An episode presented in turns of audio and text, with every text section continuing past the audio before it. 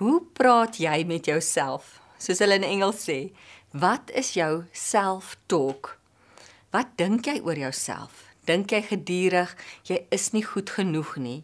Kritiese en negatiewe en afbreekende gedagtes. Wat sê jy vir jouself wanneer jy in die spieël kyk? sien jy net die plooie raak en dalk jou neus wat te groot is of die heupe wat te rond is. Partykeer sê ons die vreeslikste goed vir onsself, negatiewe afbreekende goed wat jy nie eers vir jou grootste vyand sal sê nie. Maar ons sê dit vir onsself. Sielkundiges noem dit verbale mishandeling en dis baie keer wat ons op onsself toepas. Maar wat sê God oor jou? Ek dink dit is waarna ons moet kyk en dit is waar ons op moet fokus. Wat die woord sê wie jy is, dat jy sy kind is, dat jy na sy beeld geskep is, dat jy sy verteenwoordiger hier op aarde is. Maar weet jy dat breinkenners reken dat ons binne 3 sekondes iets negatiefs of 'n mislukking of iets afbreekend oor onsself kan bedink. Dit vat ons brein 3 sekondes. Waar wanneer ons iets positiefs en opbouend of iets suksesvol wil herroep uit ons brein uit, vat dit ons 60 na 90 sekondes. So dit vat ons soveel langer en ons brein moet soveel langer en harder werk om iets positiefs oor onsself te bedink. En dis nogal hartseer, né, want ons val so maklik in daai groef. En jou selfbeeld en jou selfvertroue en hoe jy na jouself kyk is belangrik. Want dit is hoe jy jouself projekteer aan die wêreld. Jy projekteer jouself aan die wêreld of as oeg ek is jammer ek leef of ek is 'n koningskind. So hoe kyk jy na jouself? Hoe praat jy oor jouself? Daai innerlike gedagtes wat jy dink oor jouself. En baie keer dan bedink ons ook so maklik mislukkings, foute, sonde uit ons verlede en tuister daai gedagtes ons en bedink ons dit die hele tyd en dink ons eintlik maar dis ons skuldgevoelens en as ons nou genoeg sleg voel oor hierdie ding wat ons verkeerd ge gedoen het, dan sal God ons vryspreek. En ons besef nie maar dit is sy groot genade wat ons vryspreek. So as jy dink jy kan, is jy reg, En as jy dink jy kan nie, is jy ook reg. Selfbeeld en selfvertroue is belangrik en ons moet dit grond in Christus. Ons moet besef dat God kyk na ons deur die kruis. Wanneer hy ons sien, dan sien hy ons as skoon en rein. En ja, as jy misluk het, as jy 'n fout gemaak het, as jy gesondig het, sê vir hom opreg jammer, gaan na hom toe. Die woord sê dan vat hy daai skuld en hy gooi dit in die diep see en hy dink nie eers weer daaraan nie. So jy staan rein en skoon vir hom, maar dit is vir ons so moeilik, né, want ons sit met skuldgevoelens en ons is krities en ons en ons dink ons is nie goed genoeg vir God nie en ons moet die hele tyd goed doen om hom te probeer beïndruk. Maar eintlik het hy jou lief soos jy is. En as jy na die woord toe gaan om net te besef, ehm um, wie jy is in Christus dat jy sy verteenwoordiger is. Genesis sê hy het sy roeg, sy asem in jou ingeblaas. Jy is sy kind. Jy is 'n kind van die lewende God. Galasiërs sê jy is sy erfgenaam. En daarin moet ons onsself beeld en onsself uh vertroue grond. Nie oor wat mense oor ons sê nie. Dalk het jy in jou klein tyd het uh mense goed oor jou gesê, jou ouers of onderwysers of 'n maatjie het dalk vir jou gesê sy hou nie van jou rooi hare of van jou sproete nie of jou ouers het nooit vir jou erkenning gegee nie en en daai goed het jou selfbeeld laat verkrummel. Maar dit moenie vir ons gaan oor mense se woorde nie. Dit moet gaan oor wat God se woord sê, God se woorde oor ons en hy sê die mooiste goed oor jou dat jy sy dogter is, dat jy 'n koningskind is en ons moet vashou aan hierdie goed. Weet sommer net om om te praat oor kleintyd goed wat daar dalk oor jou gesê is. Ek dink nou die dag, maar miskien as jy nou in die volmaakte gesin groot geword het, nou dan sal jou selfbeeld nou geen probleme hê. Daar sal geen uh houe wees uh wat jou selfbeeld dalk gekry het nie. Maar weet jy wat die volmaakte gesin bestaan nie? En as jy moet dink dat uh, jou selfbeeld moes gevorm word in 'n volmaakte gesin, um, Daar bestaan nie so iets nie. Nie eers in die Bybelse tyd lees ons van 'n volmaakte gesin nie. Dink nou maar aan Adam en Eva se twee seuns, die eerste gesin waarvan ons lees in die Bybel nou. Die een boetie maak die ander boetie dood. So disfunksionele gesinne en gebroke gesinne is aan die orde van die dag. En ehm um, moenie dink dat jy moet uit 'n volmaakte gesin kom om 'n goeie en sterk selfbeeld te hê nie. Nee, daai selfbeeld moet jy kry by God. God se beeld oor jou wat hy sien wanneer hy na jou kyk.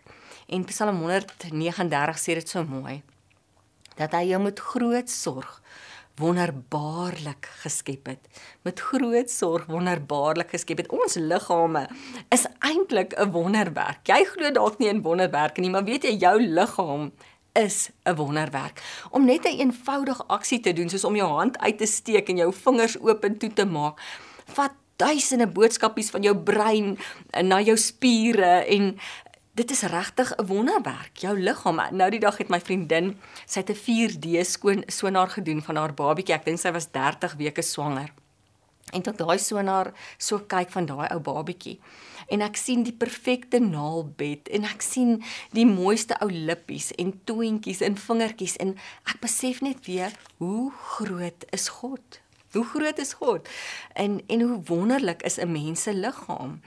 En en ons moet dit koester en ons moet daarna kyk want God het in sy wysheid besluit om vir ons elkeen 'n unieke liggaam te uh, te gee. En dis ook deel van selfbeeld en selfvertroue om hierdie voertuig wat God vir jou gegee het op te pas na die beste van jou vermoë. Ja, in Genesis staan daar dat God het geskep en hy het gesê dit is goed. Maar weet jy as jy kyk na daai woord goed in die Hebreëus, kan dit ook beteken mooi. God het geskep en hy het gesê dit is mooi. God het jou geskep en hy het gesê jy is mooi. Dit is hoe hy jou sien en dit is hoe ons ook na onsself moet kyk. Soos God na ons kyk. Jy is 'n prinses. Wanneer ek met 'n uh, jong mense werk, dan gebruik ek altyd die voorbeeld van prinses Kate. Uh, prinses daar van Engeland, nê, wat getrou het met prins William. Nou voor die tyd as jy nou foto's van haar sien as 'n jong meisie, was sy 'n normale jong meisie, maar dit was asof sy toe sy die titel prinses gekry het, het haar hele houding verander. Die manier wat sy geloop het, dit wat sy aangetrek het, hoe sy gepraat het, het alles verander. Dis asof sy besef het, maar ek is nou 'n prinses en sy daai houding aangeneem het. En wat ek vir jou wil sê is dat jy is 'n koningskind. So neem daai houding aan. Jou selfbeeld en jou selfvertroue maak saak. Dit is wat jy projekteer vir die wêreld. So baie keer dan dan dink ons dit wat ons kry en daar waar ons bly en dit wat ons ry maak ons wie ons is. Ons dink dit definieer ons, né? My man se titel dalk of hoe goed my kinders op skool doen of hoeveel geld ek het. Ons dink dat dit is wat ons maak wie ons is. Maar dit is nie. Dit is nie. Jesus sê, "Will you take what you think defines you? Leave it behind and let me define you instead."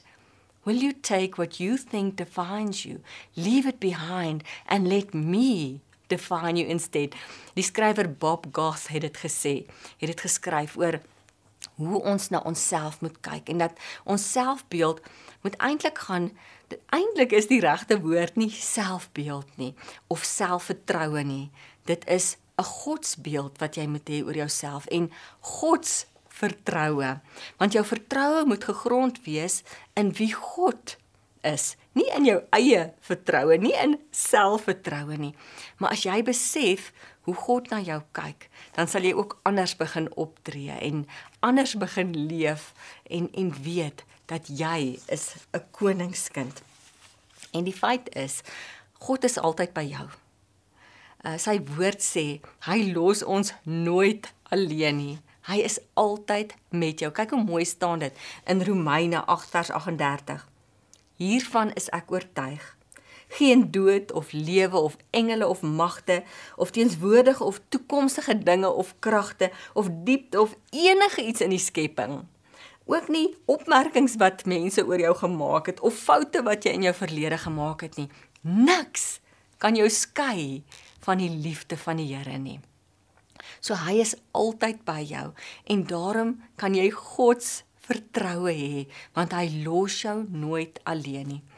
Onthou jy vir Moses, uh, toe God vir hom gesê het hy moet Israel uit Egipte gaan lei.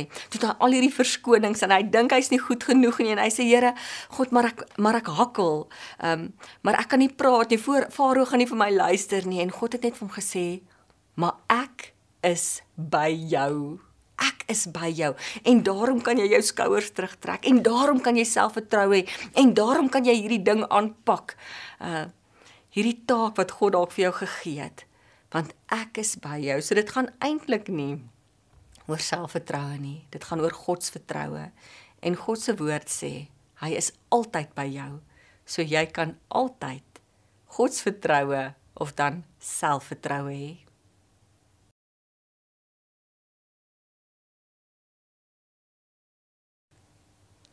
Onthou jy vir Moses God wat Moses op 'n wonderbaarlike manier roep daar uit die brandende braambos en vir hom sê hy moet Israel wat al meer as 300 jaar as slawe vir die Egiptenare werk uit Egipte gaan lei. En Moses het baie verskonings gehad. In die eerste plek sê hy maar hy hakkel en dan sê hy maar Farao sal nooit na hom luister nie.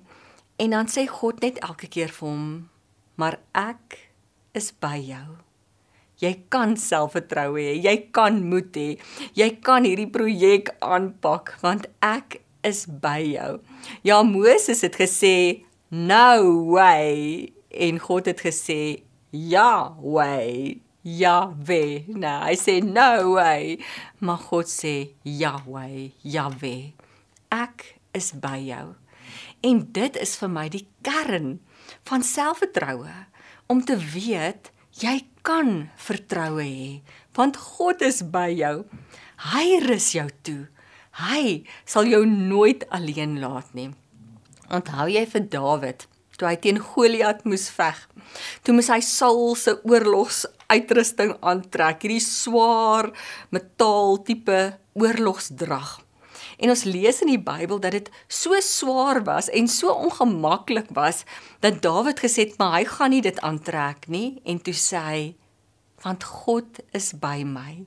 God is by my en daarom kan ek na Goliat toe gaan met selfvertroue. En dit is die kern daarvan om net die heeltyd bewus te wees daarvan wie jy is in God, hoe hy na jou kyk en dat sy Heilige Gees binne in jou leef, dit is merkwaardig. In Efesiërs staan daar dat sy Heilige Gees het Jesus uit die dood uit opgewek. En dit is sy Gees wat in jou woon en wat in jou werk. En daarom kan jy selfvertroue hê want hy is by jou. Eintlik God se vertroue hê nê maar nou kry ek baie keer mense wat vir my sê maar Liesel dit voel nie vir my of die Here by my is nie. Jy sê nou vir my en ek lees in die Bybel dat God by my is, maar dit voel nie vir my so nie. Maar weet jy dat geloof gaan nie oor 'n gevoel nie. Geloof is 'n diep wete dat jy weet dat jy weet God is by jou en hy sal jou nie alleen los nie. Jy kan nie jou gevoel gebruik as 'n liniaal om te meet hoe ver God van jou af is nie want God is nou by jou en daarom kan jy God se vertroue hê, selfvertroue hê. Hy los jou nie alleen nie. Ek dink baie keer dan dan kyk ons hom net heeltemal mis en hardloop ons oor sy genade. En ek bid baie oggende, Here, maar maak my geestes oop dat ek U kan sien werk in my lewe, dat ek U hand in my lewe kan sien. Daar's 'n verhaaltjie wat vertel van hierdie man wat in die woestyn verdwaal het en dit was vreeslik warm en en toe hy op die eind by sy vriende uitkom, toe sê hy vir hulle: "Hoorie, ek het gedink ek gaan sterf. Ek het gedink dis my laaste dag op aarde. Ek het in daai warm sand op my knieë neergeval, my bors het gebrand. Ek was dors en ek het vir die Here gesê: "Help my asseblief." En sy vriende sê toe vir hom: "En toe het die Here jou toe gehelp?" En hierdie man sê: "Haai nee, maar weet jy, gelukkig het daar 'n landmeter verbygekom en hy het my toe gehelp." Kan jy glo dat hierdie man nie eers kan sien dat God iemand gebruik het, 'n mens gebruik het om sy gebed te verhoor? En ek dink op so 'n manier kyk ons ook dikwels sy hand in ons lewe mis. En moet ons vra dat dat hy ons sal help, dat ons hom sal raak sien. My kollega daar by Kameeldrif en Gekerk waar ek deeltyds predikant is, Dr. Rolf Opperman. Hy werk altyd met ons belydensklas kinders. En die ander dag sê hy vir die belydensklas, hulle moet die volgende Sondag fotos op hulle fone saambring van God se oomblikke wat hulle beleef het. En al die jong mense het toe gekom en hulle het fotos van die natuur gebring, want ons beleef God mos baie keer in die natuur. Maar Rolf het vir hulle gesê: "Nee wat? Gaan maar bietjie terug en delf dieper. Ek soek ander fotos, ander godsoomblikke. Vra God om jou te wys waar is hy betrokke?" En hy sê die kinders was so kreatief en het met die wonderlikste fotos teruggekom. Met daai WhatsApp wat jy kry op net die regte oomblik. Daai keer toe jy die radio aanskakel en daar's 'n boodskap of 'n preek wat net vir jou bedoel was. Ek het al een keer so op die snelweg gery en 'n kar kom ry so voor my in en terwyl ek met die Here gepraat het en hier is 'n plakker op hierdie motorkar voor my met 'n teksvers wat onmiddellik met my praat wat ek weet, maar hierdie is nie toevallig nie. Dis God wat nou met my praat. So om op die uitkyk te wees vir hom, soos roof ons kinders ges uitgedaag het om om vir God se oomblikke te soek.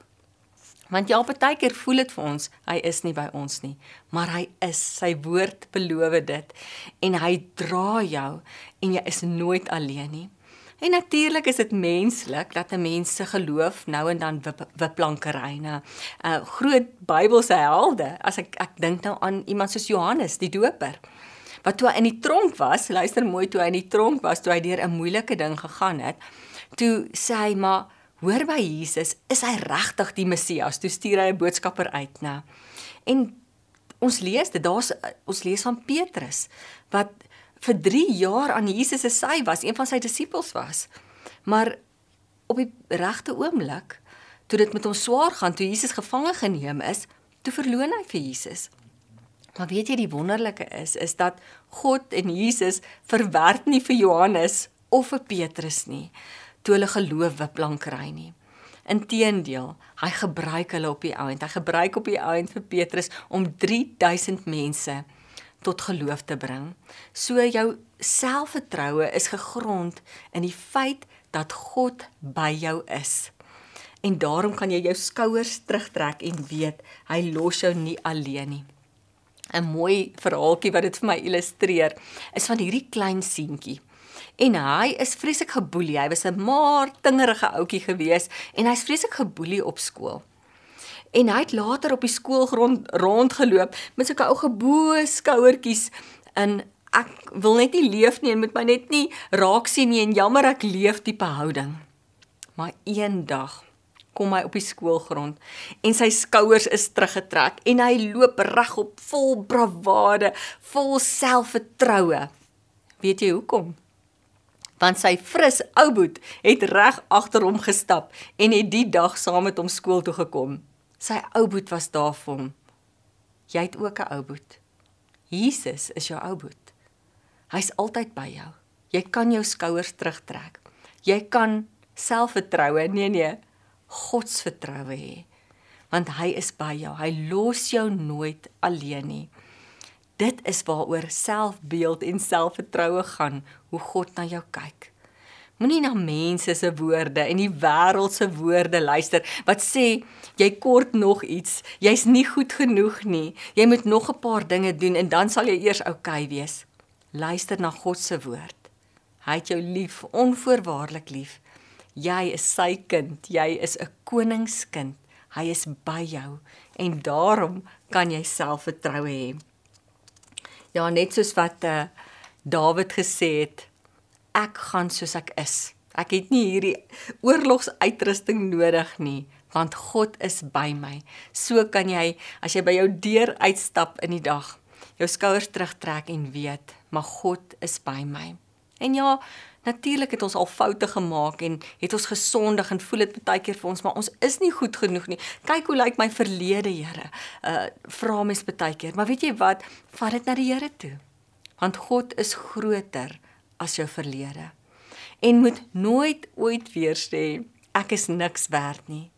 Want Jesus het 'n baie duur prys betaal vir jou om voluit te leef.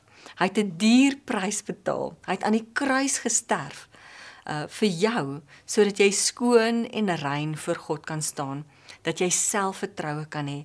Paulus noem ons selfs heiliges. Heiliges, kan jy dit glo?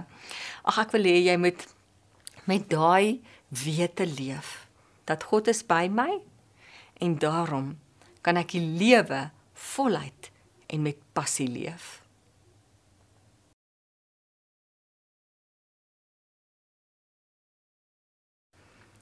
God se woord sê jou denke is belangrik. So wat dink jy gedurig? Dink jy gedurig jy is nie goed genoeg nie? Jy kort nog iets. Uh jy moet meer doen om God te beïndruk of almal om jou gelukkig te hou dat hulle van jou hou? Is dit wat jou denke die heeltyd oorgaan? As jy byvoorbeeld iets vat soos bekommernis, waaroor bekommer jy jou gedurig? Bekommer jy jou uh, oor probleme, oor die feit dat jy dalk misluk het, oor dat jy nie goed genoeg is nie, oor jou kinders, oor jou huwelik?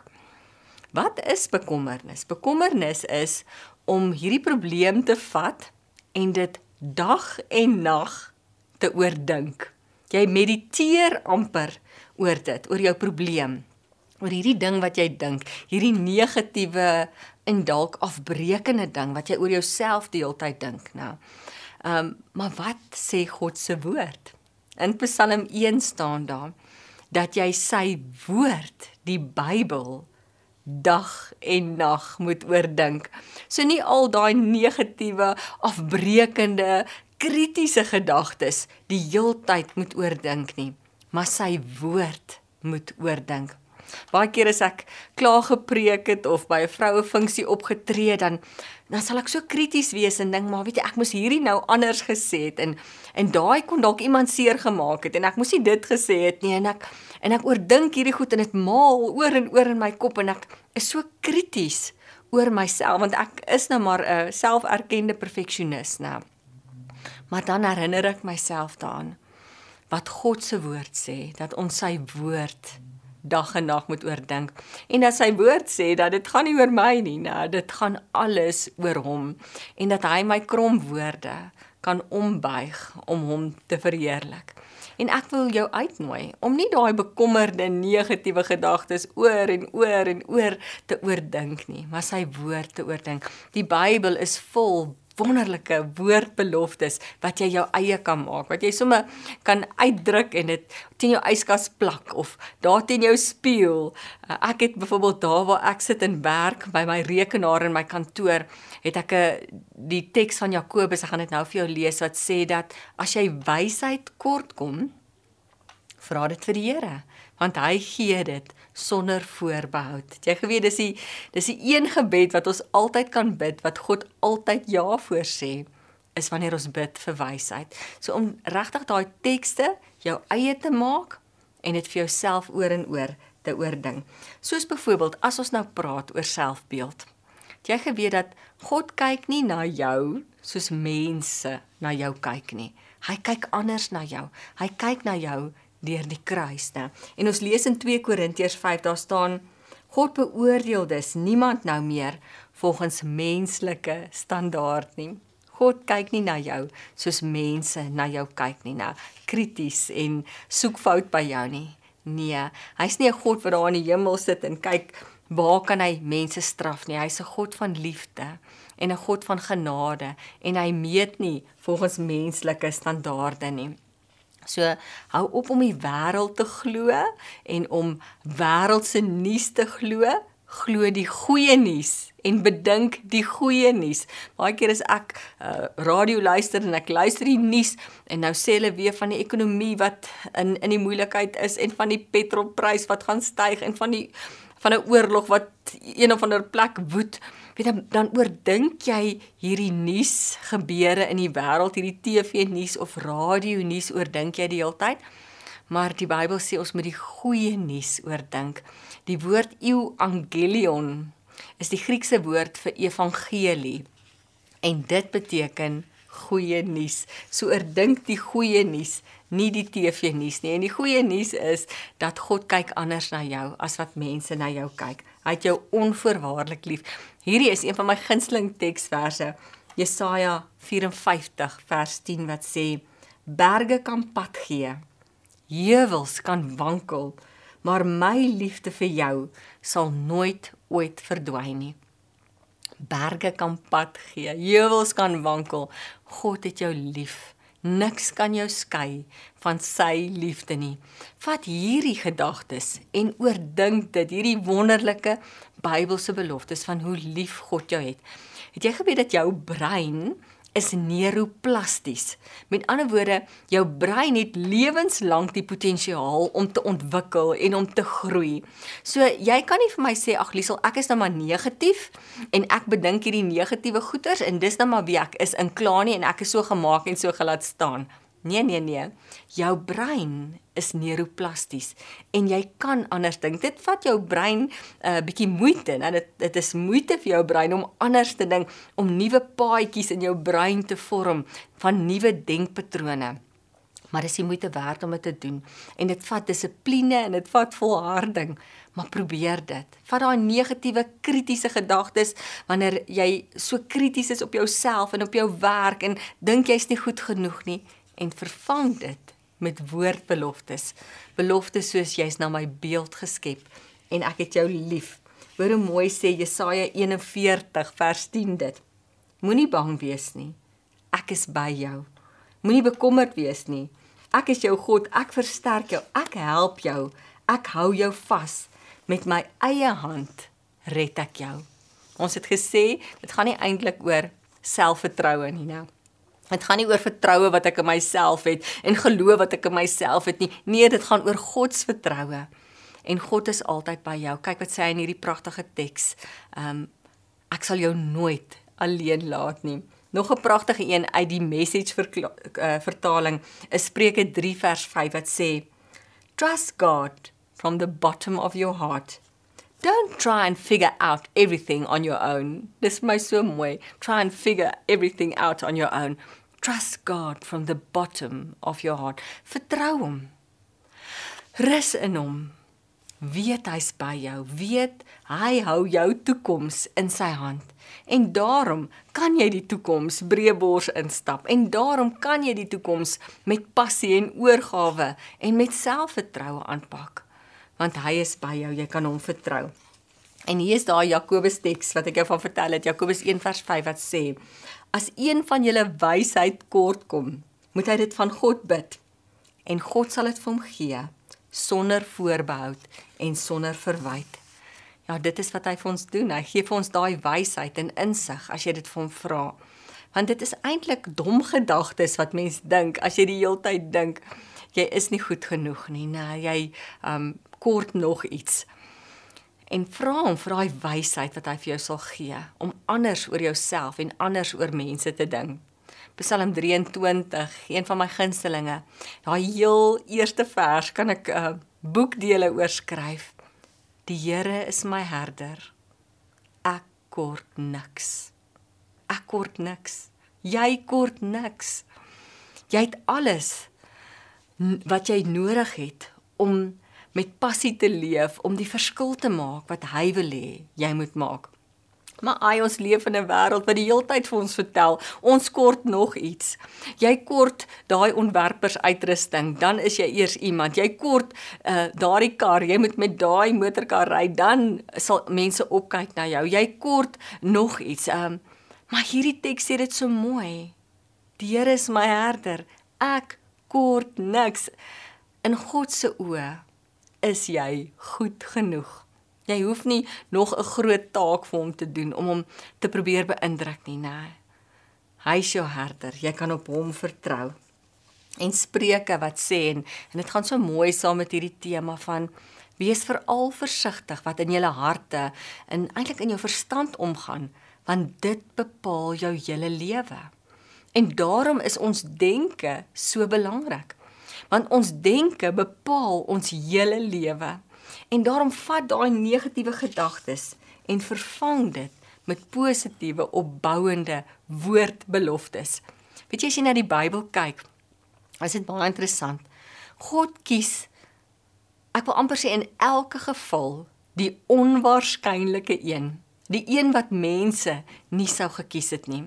Dink maar nou aan sy disippels, vissermanne, nê, 'n tollenaar, 'n belastingopgader, eenvoudige mense wat die wêreld nie sou gekies het vir sy uitteam, nê. En dit is wie hy kies. Ek dink aan iemand soos Gideon.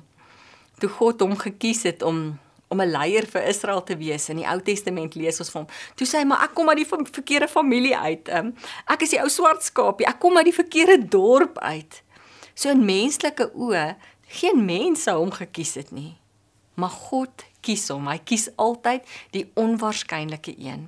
En ek dink daarom praat ek eerder van God se vertroue. Ek stel nie my vertroue in myself nie. Ek glo nie in myself nie. Ek glo in God.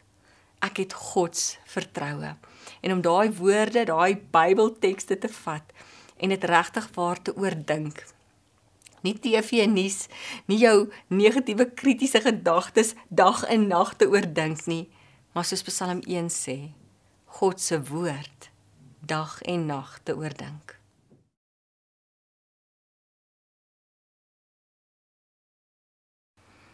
Meeste van ons is geneig om net ons mislukkings of ons foute of selfs ons sonde te onthou.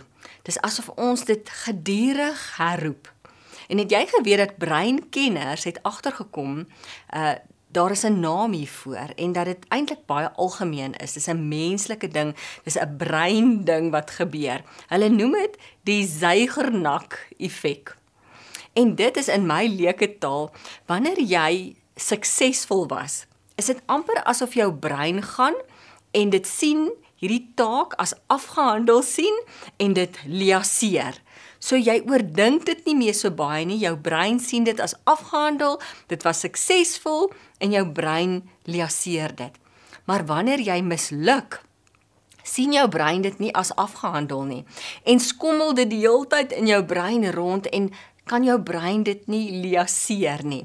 En daarom is dit vir ons so maklik om gedurig ons foute en ons mislukkings te herroep en dit die heeltyd te oordink. Want dit is die Zeigernak effek. Dit is maar 'n brein ding wat jou brein doen. En daarom is dit belangrik om om bewus te wees hiervan. As jy gedurig daai mislukkings herroep en dit oordink, dan laat jy in die eerste plek bewus raak van dit wat jy dink, raak bewus van jou gedagte wêreld. Hoekom oordink ek hierdie ding? My brein sien dit nie as afgehandel nie. En ek dink wat vir my dan help, is wanneer ek vir myself sê, maar hoe kan ek hierdie storie herskryf? Laat my brein dit sien as afgehandel en dit kan liaseer. Uh so ek sê vir myself, okay, wat het ek geleer uit hierdie mislukking, uit hierdie fout. En ek vat dit wat ek geleer het en ek maak dit my eie en dan is dit amper asof my brein dit nou as afgehandel sien en ek oordink dit nie meer so dag en nag nie. So dit is die Zeigernak effek wat veroorsaak dat ons die heeltyd ons mislukkings oor en oor herdink en so krities is op onsself. En ek kry baie keer met vroue te doen in die bediening wat voor my sit en en sê maar Liesel, um hierdie sonde uit my verlede tuister my. Ek dis asof ek nie kan ontslaa raak. Ek het na die Here toe gegaan. Ek het vir die Here gesê ek is jammer oor dit. Opreg gesê ek's jammer. Ek leef in verhouding met hom, maar gedurig kom hierdie skuldgevoelens terug na my toe. amper asof hulle dink maar hulle skuldgevoelens gaan hulle vryspreek. Nou en eintlik is dit God se genade. En dan kan ek altyd vir hulle die goeie nuus deel dat God is groter as ons verlede en hy dink nie meer aan daai sonde nie. En daarom moet jy ook nie meer gedurig daaraan dink nie. Dan vertel ek die storie van hierdie seun en hy het amper verdrink. En daar het 'n man verbygekom en hy stap verby hierdie rivier en hier sien hy verdrink 'n kind amper en hy spring in en hy red hierdie kind se lewe. en baie gelukkig en baie dankbaar dat hy die kind se lewe kon red. 'n Paar weke daarna toe stap hy weer verby die rivier. En hier sit hierdie kind in 'n bonneltjie en hy wieg op en af en al wat hierdie kind sê is oh, ek het amper verdrink. Oh, ek het amper verdrink. Ek het amper verdrink. As jy hierdie kind se lewe gered het, sou dit wou gewees het wat jy moes die kind so opgetree het? Nee. Jy gaan mos nou voel, "Jo, maar ek het hierdie kind se lewe gered en hy moet nou gaan en voluit leef en hy moet met passie leef en hy moet skool toe gaan en hy moet sy matriek kry en hy moet gaan leer en trou en kinders hê en gelukkig wees want ek het sy lewe gered." Hy moet nie daar op 'n hoopie sit en die hele tyd top oor die feit dat hy amper verdrink het nie. En hierdie storie is vir my so 'n mooi metafoor van God wat ook vir ons sê, "Ja, jy het verkeerd gedoen. Jy het gesondig." maar my seun het 'n duur prys betaal en en jy's opreg jammer en ek vat daai skuld en ek gooi dit in die diep see en ek dink nie weer daaraan nie ek verwyder dit so ver as wat die ooste van die weste af is en nou wil ek hê jy moet voluit leef jy moenie meer met hierdie stuk swaar lood om jou voet leef dat jy nie voluit kan leef en met selfvertroue leef omrede jy dink hier sonde uit my verlede wat my tuister nie genade is so groot. Uh, ons verstaan dit eintlik nie eers nie, né? As mense maak genade nie vir ons sin nie, want uh, ons is gestel op verdienste. Jy moet iets verdien. Maar God se genade is so groot en daarom kan jy vry leef. En kan jy voluit leef en kan jy met passie leef. Hy's groter as jou verlede. En hy het jou vergewe. Dis nou tyd dat jy daai vergifnis jou eie maak en ook vry leef en voluit leef en met selfvertroue leef as sy kind, as God se kind. Jy kan 'n soos hulle in Engels sê, a humble confidence, a humble confidence, 'n nederige selfvertroue hê en weet maar hy het jou vergeef. Jy is syne. Hê genade vir jouself. Want God het genade vir jou. Weet baie keer selfs met ons geliefdes, dan sien ons net die foute raak. Daai zeigernag effek. Nou ons sien net wat ons kinders verkeerd doen raak en ons kla net oor dit. Hulle kan 'n 1000 goed reg doen. Jou man kan 'n 1000 goed reg doen, maar jy sal daai een dingetjie wat hulle verkeerd doen, sal jy raak sien. Daai een dingetjie wat jou kind verkeerd doen, sal jy op fokus. Kom ons fokus op die mooi. Kom ons fokus op die goed ook in jou eie lewe. En dan skep jy moed en jy leef met selfvertroue. Ja, daar was dalk foute gewees wat jy gemaak het. Iemand het eendag gesê, "Don't let previous pain be in vain." So leer uit daai foute. Uh, hoe het ek gegroei daaruit? Wat hoe het God my gevorm daardeur? En dan sien jou brein dit sommer as afgehandel en stoor dit. Leef dankbaar en leef vergenoegd. Dankbare mense is gelukkige mense. Mense wat tevrede is met hulle self is 'n uh, mense wat selfvertroue het. Want as jy vergenoegd is, as jy in jouself tevrede is, dan gaan dit uit jou uitstraal en gaan jy met selfvertroue leef. In 'n uh, Lukas in die Message vertaling sê dit so mooi, Lukas 14 vers 10. But if you're content to be simply yourself, you will become more than yourself. When you content, wanneer jy vergenoegd is in jouself to be simply your, be yourself, you will become more than yourself. Om vergenoegd en dankbaar en tevrede te leef. Net jy geweet tevredenheid is aansteeklik. Dit sal sommer jou kinders en jou man aansteek. Maar ja, ons is maar geneig om om lekker ondankbaar te leef. Veral hier in Suid-Afrikaanse kan lekker kla oor van die korrupsie tot die paaie wat so sleg is, uh uh tot die ekonomie wat so swak is. En ek dink ons moet bietjie dan eerder wees soos ek laas gesê het, die vorige keer gesê het, fokus op die goeie nuus, die evangelion in plaas van die wêreldse nuus. En ek dink ons klaas 'n bietjie met die witbrood onder die arm. Nou die dag staan 'n man so in braai en ons mos gewoonlik so om die braaivleisvure wat ons so lekker kla en kerm oor die land. En hy kla so weer oor die land en die ekonomie en die korrupsie en sy vriend sê vir hom: "Hoerie, terwyl jy nou so kla, pas op net dat jy nie daai fillet brand nie, hoor." wat jy so braai. Hoor jy dit? Hy's besig om 'n fillet te braai en hy kla. En ek dink baie keer dan kla ons met die witbrood onder die arm en kom ons leef vir genoeg. Dankbaarheid is 'n opdrag. Paulus sê vir ons, dankbaarheid is nie net 'n ou gevoel en kykie wat jy moet hê nie. Dis 'n opdrag. God sê dat ons moet dankbaar lewe en onver, en vergenoegd lewe. Kry sommer vir jou 'n dankbaarheidsjoernaal. Ek lees nou die dag hulle sê dat goeie nuus stories word maar 13 keer oorvertel. Maar 'n slegte nuus storie word meer as 17 keer oorvertel.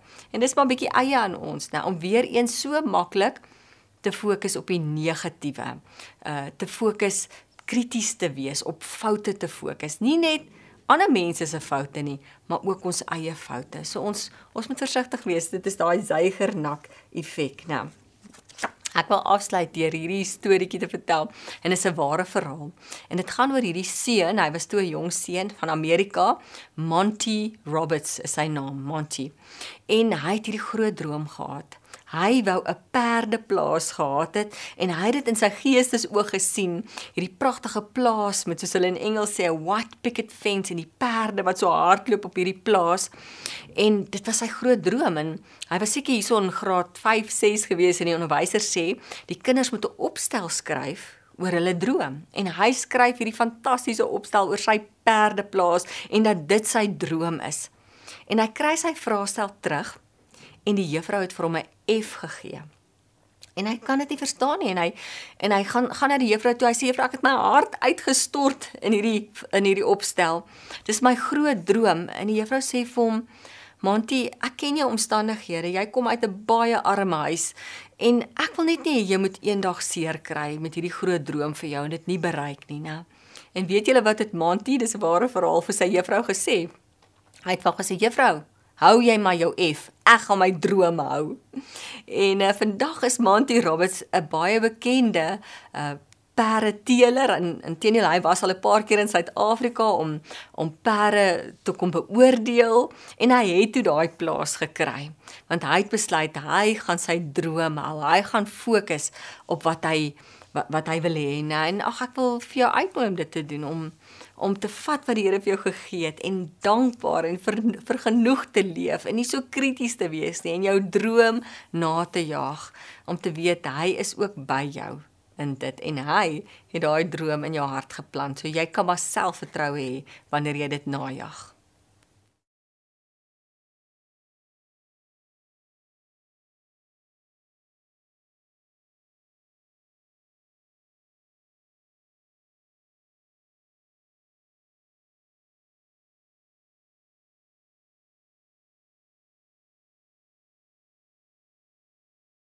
God het elkeen van ons uniek en verskillend geskep. Weet jy dat 'n identiese tweeling se vingerafdrukke is nie eers dieselfde nie. Dit verskil. As ek net kyk na my eie twee kinders, Carmen en Siebert, verskil hulle hemelsbreed hoewel hulle boetie en sussie is. Carmen is hierdie akademikus en sy skryf en sy lees en klein Siebert is hierdie sportman en hy wil net buite wees en hy's net totaal en al anders as sy sussie. En is dit nie wonderlik dat God ons elkeen so uniek geskep het nie? Maar tog maak ons so baie keer die fout om die heeltyd onsself te vergelyk met ander mense. En wil ons die heeltyd iemand anders se reusies hardloop of soos iemand anders wees of praat of optree of leef of ons droom ander mense se drome in plaas daarvan om ons eie weergawe te wees. Hoekom wil jy 'n uh, 'n tweedehandse weergawe van iemand anders wees? Want God het jou dan wonderlik en uniek aan mekaar gewewe. En ons is verskillend met verskillende sterkpunte en ja, 'n paar tekortkominge dalk, né? Maar God het jou so mooi aan mekaar gesit en hy het jou op 'n sekere plek gesit hier in Suid-Afrika dalk of waar ook al jy bly in 'n sekere familie in 'n sekere dorp, want hy wil hê jy moet daar vir hom 'n verskil maak en hy het jou daai unieke gawes en talente gegee om dit te kan doen. Paulus sê dat ons is een liggaam, maar verskillende ledemate. En Hy sê dat jou toon is nie belangriker as jou neus nie. Nou jy gaan weet byvoorbeeld as jy jou pinkie naal gaan verloor, jy gaan weet jy dit verloor. Uh want dit het 'n doel en so het elkeen van ons 'n doel. Ons is verskillend, maar die een is nie belangriker as die ander een nie. En ons kan ook nie meerderwaardig wees oor dit wat ek kan doen, die gawes en die talente wat ek het of minderwaardig daaroor wees nie. Want weet jy die Griekse woord vir gawe is charisma en dit beteken geskenk geskenk. So die Here het dit vir jou as geskenk gegee. En jy kan mos nou nie oor 'n geskenk meerderwaardig of minderwaardig wees nie. Ek dink jy moet dit omhels dit wie God jou gemaak het en en dit geniet en voluit leef. Want gewoonlik as mens daai talente uitleef en daai gawes uitleef dan gee dit jou energie. Dan help dit jou um, om voluit te leef en om die lewe regtig te geniet. Het jy al agtergekom as jy iets doen wat jy nou nie regtig meer goed is of wat nie dalk 'n gawe of 'n talent van jou is nie dan roof dit jou energie nou waar jou talent en jou gawes gee vir jou energie. En hy het ons so geskep en om te geniet wat ons doen. So hou op om jouself te vergelyk met ander mense. Met ons leef in 'n sosiale media era en ek sien dit so by die jong kinders. Ons is gedurig besig op sosiale media om te kyk hoe ander mense leef en besig om te vergelyk dit wat ek het en dit wat hulle het. En ja, ek is tevrede met my ou vakansietjie in Maagheid tot ek sien my vriendin gaan nou alweer in die Alpe ski. Nou dan's ek nou nie meer tevrede met my vakansie in Maagheid en ek's tevrede met my karretjie tot ek nou sien ooh my man uh se boetie het nou vir sy vrou 'n nuwe kar gekoop of wat ook al. Dan's ek nou nie meer tevrede met my karretjie nie. So ons moet versigtig wees vir hierdie vergelyk ding. Um Uh, ek praat mos nie van Facebook nie. Ek praat van Fakebook want dit is so bietjie fake. Want meeste mense sit net hulle mooiste en hulle beste op Facebook nou op sosiale media. Jy gaan nou nie op jou sosiale media sit ooh Pietie het wiskunde gedryf nie. Nee jy gaan eerder daarop sit al die medaljes nê en al die toekenninge So dit is 'n bietjie fake. Dit is vals. En nou gaan ons en ons vergelyk onsself met iemand anders se heel beste wat hy die hele tyd daar sit. En weet jy wat? Niemand se lewe is net maanskyn en rose nie. Partykeer as ek na uh, bekende se se sosiale media kyk, dan lyk dit of hulle die hele tyd op vakansie is en of dit net wonderlik en goed gaan met hulle altyd. En en dan dink ons maar, "Sjoe, kom lyk my lewe dan so." Maar dit is maar bietjie fake en ons moet oppas vir daai vergelyk ding want Ons elkeen het 'n unieke gawe en omhels dit en geniet dit. Uh, dis amper soos 'n koor. Elkeen in die koor het 'n verskillende stem om te sing. Uh, een mens kan nie al die stemme sing nie. Ons het verskillende stemme nodig. En soos Paulus sê, al hierdie verskillende dele van die liggaam, maar elkeen is belangrik. Dink jy nou in as 'n rugby afrigter gaan en hy stuur 15 stutte op die veld en is nou net 'n klomp stutte wat nou daar gaan speel. Dit gaan 'n groot floppie wees dink ek, nou, om net 'n klomp stutte op die veld is, want elkeen het sy posisie en elkeen van daai posisies is goed met iets en en moet dit uitleef en uitspeel en daarom hoef ons onsself nie te vergelyk nie. Daar's so 'n mooi Engelse gesegde wat sê don't compare the sun and the moon.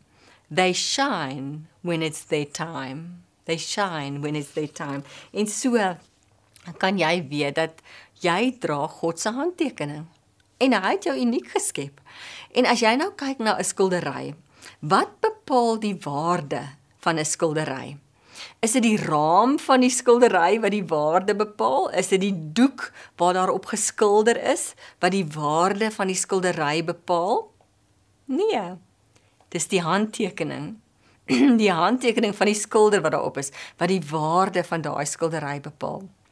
En jy jy dra God se handtekening en jy is waardevol en jy is kosbaar vir hom. Nou die dag lees ek 'n stuk raak en ek sien my kind so op Instagram en en ek gaan sê dit vir hom die die die stuk het gesê um start living your own life. Don't waste your life by scrolling constantly scrolling through others. Want dis wat ons doen nou, ons is konstant besig om onsself te vergelyk. Hardloop jou eie reusies, hardloop jou eie reusies. Ehm um, weet jy dat daar's navorsing gedoen wat sê hulle wou gekyk het wanneer voel mense die meeste vervuld? Wanneer voel mense die meeste vervuld? En mense nou dink mense gaan die meeste vervuld voel wanneer hulle daar op die strand lê in die sonnetjie en bak. O nee. Mense voel die meeste vervuld wanneer hulle hulle unieke talent en gawe uitleef en gestrek word daarin. Dan voel jy die meeste vervuld. So nie wanneer jy in die son langs die see lê nie, nou. So fokus op jou sterkpunte. Tel jou seëninge. Moenie ander mense se seëninge tel nie. Fokus op dit wat die Here vir jou gegee het en nie die heeltyd op wat jy nie het nie en leef dankbaar en leef voluit. Baie keer dan sal ons vra, maar Liesel, jy sê die Here kan my gebruik gewone ekke. Gewone ekke, ek, ek ek voel ek is nie goed in enige iets nie. Nou, weet jy dat uh dit gaan alles oor hom. En dit gaan nie oor oor ons nie. En ek dink mens moet ek vind in my lewe minder van my maak my vry. Minder van my maak my vry om te weet ek moet my fokus op hom sit. En hy kan selfs seer of foute of sonde wat ons gedoen het, kan hy omdop as jy dit na hom toe vat en in sy diens gebruik. Ek was as 'n jong meisie, was ek in 'n ernstige motorongeluk gewees. Ek het op 'n plaas groot geword en ons het so ou Jeep op die plaas gehad en ek was standaard 9, graad 11 en toe rol ek daai Jeep op 'n grondpad naby ons plaas. En ek het baie seer gekry. Ek was 3 maande in die hospitaal en vir daai 3 maande my bek en bene twee plekke gebreek en knie beseringspenne in my bene gehad en ek kon net in een posisie lê en opgekyk en weet jy daai die Here my geroep om 'n predikant te word. So as dit nie vir daai ongeluk was nie, het ek nie vandag voor jou gesit en met jou gepraat nie. So hy het selfs gegaan in daai te vinnig ry, ehm um, daai fout, daai mislukking, daai seer het hy gegaan en hy het dit omgedop uh, vir 'n hoër doel om sy naam groot te maak. Maar ek moes dit eers vir hom gee. Ek moes daai seer en daai trauma en daai fout moes ek eers vir hom gee en toe kon hy daarmee werk. So hy kan enige iemand gebruik en hy het 'n plan met jou lewe. Hy roep jou vir iets, gaan sit by sy voete en vra vir hom, Here, U het vir my hierdie gawes gegee. U het my so uniek gemaak. Hoe wil U my gebruik om hierdie wêreld 'n beter plek te maak? Hoe kan ek myself inspann om 'n verskil te maak vir U, want hy wil dit doen vir jou. Ag en dan uh, sommer net iets wat ek vir jou wil noem rondom roeping en gawes uh want baie keer en, en ek is self skuldig daaraan dan sal ons so baie goed aanpak wat nie eintlik God ons voorgeroep het nie. Hy het eintlik iemand anders hier voorgeroep. Maar dalk is jy 'n people pleaser en wil jy almal tog net gelukkig hou en neem jy goed op jou, ehm um, wat nie van God af is nie. En op die einde dan brand jy uit en as jy kwaad vir die Here. So om regtig by hom te hoor, God, waarvoor roep U my? Wat is daai unieke doel wat U met my lewe het? En ek sluit af met die storie wat dit vir my so mooi uh, illustreer. En dit gaan oor hierdie seentjie en hy het groot geword in hierdie koninkryk. En die koning van hierdie koninkryk was baie geliefd geweest. En eendag loop hierdie seentjie die koning raak en hy sê vir die koning: "Ek wil vir vir jou iets doen, koning. Jy's so geliefde koning." En die koning sê vir hom: "Man, ek het nie jy het nie nodig om vir my iets te doen nie, maar jy het nou 'n waantjie en jy's lief vir plante en ek wil daar bo op die koppie wil ek 'n tuin begin." So vat hierdie paar plantjies op met jou waantjie na die koppie toe as jy vir my iets wil doen. En die seentjie sê ek wil vir die koninge verskil maak en ek doen dit met liefde en hy het sy plantjies waarvoor hy liefhet, eh, wat sy passie is, nê, en hy dit trek dit op daar na die koppie toe. Hy het nog so eentjie gestap en hy loop 'n vriend raak en die vriend sê vir hom: "Wat doen jy?" En hy sê: "Nee, maar ek doen vir die koning iets. Ek maak 'n verskil vir die koninge. Ek gaan hierdie plantjies opvat. Hy maak 'n tuin daar bo op die koppie." En hierdie maatjie sê vir hom, vriend sê vir hom: "Ag, maar ek wil ook iets vir die koning doen. Vat hierdie paar klippe vir my op met jou waantjie asseblief, man." En die seentjie voel die waantjie raak nou bietjie swaarder, dan hy sal seker regkom. En hy sê dis reg so en hy trek sy waantjie verder en hier loop hy nog 'n ou vriend raak. En die ou vriend sê maar, "Um, Ag ek wil graag, wat doen jy? Weet wat is jy besig om te doen? Hy sê nee, ek doen iets vir die koning. En hierdie ou vriend sê, "Haai, weet jy, ek dink nou al lank daaroor. Ek bid eintlik nou al lank daaroor. Ek wil ook iets vir die koning doen." Ag, sal jy hierdie watertanks vir my opvat, drie waterkanne? Dan kan die koning dit gebruik vir sy tuin daar op die koppie.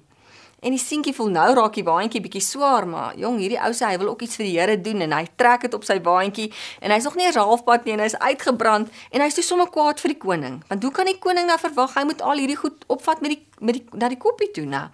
En die koning kom maar aangestap en sê vir die seentjie, "Nou wat nou?" En hy sê, "Nee koning, hoe kan jy verwag dat ek al hierdie goed met hierdie koppie moet opvat omdat jy 'n tuin daarbo wil maak?" En die koning kyk so in die waantjie en hy sê, "Maar hier's mos nou 'n klomp goed in hierdie waantjie." wat ek nie vir jou gevra het jy moet opvat na die koppie toe nie, nê. En ag die storie laat my sommer net dink aan aan roeping en jou gawes en wat die Here vir jou opgelê het en baie keer dan brand ons uit omdat ons te veel goed vir te veel mense wil wees. Gaan sit by sy voete en vra hom dat hy jou help om jou drome af te stof, jou roeping af te stof en dan leef jy met selfvertroue want hy het daai gawes vir jou gegee en jy kan voluit leef en 'n verskil volmaak hier op aarde.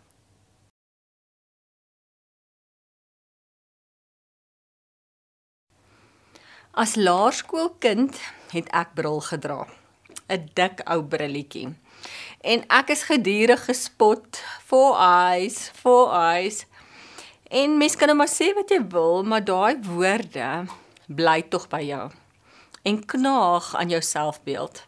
En dalk is daar ook goed vir jou gesê in jou kleintyd wat jou seer gemaak het, uh, wat jou selfbeeld 'n knou gegee het. Dalk is dit onderwysers of kinders of selfs jou ouers of familie wat iets gesê het of selfs nie gedoen het nie, net nooit vir jou erkenning gegee het nie. Jou net nooit raak gesien het nie.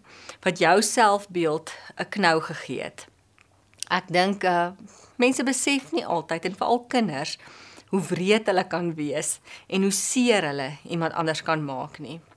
Maar ja, dit is so die volmaakte gesin bestaan nie en nie eers in die Bybel lees ons van die volmaakte gesin nie en as jy dink jou selfbeeld hang af van jou gesin en hoe oulik hulle nou is, ehm um, dit dit dit gaan ook nie gebeur nie. Nou die volmaakte gesin bestaan nie.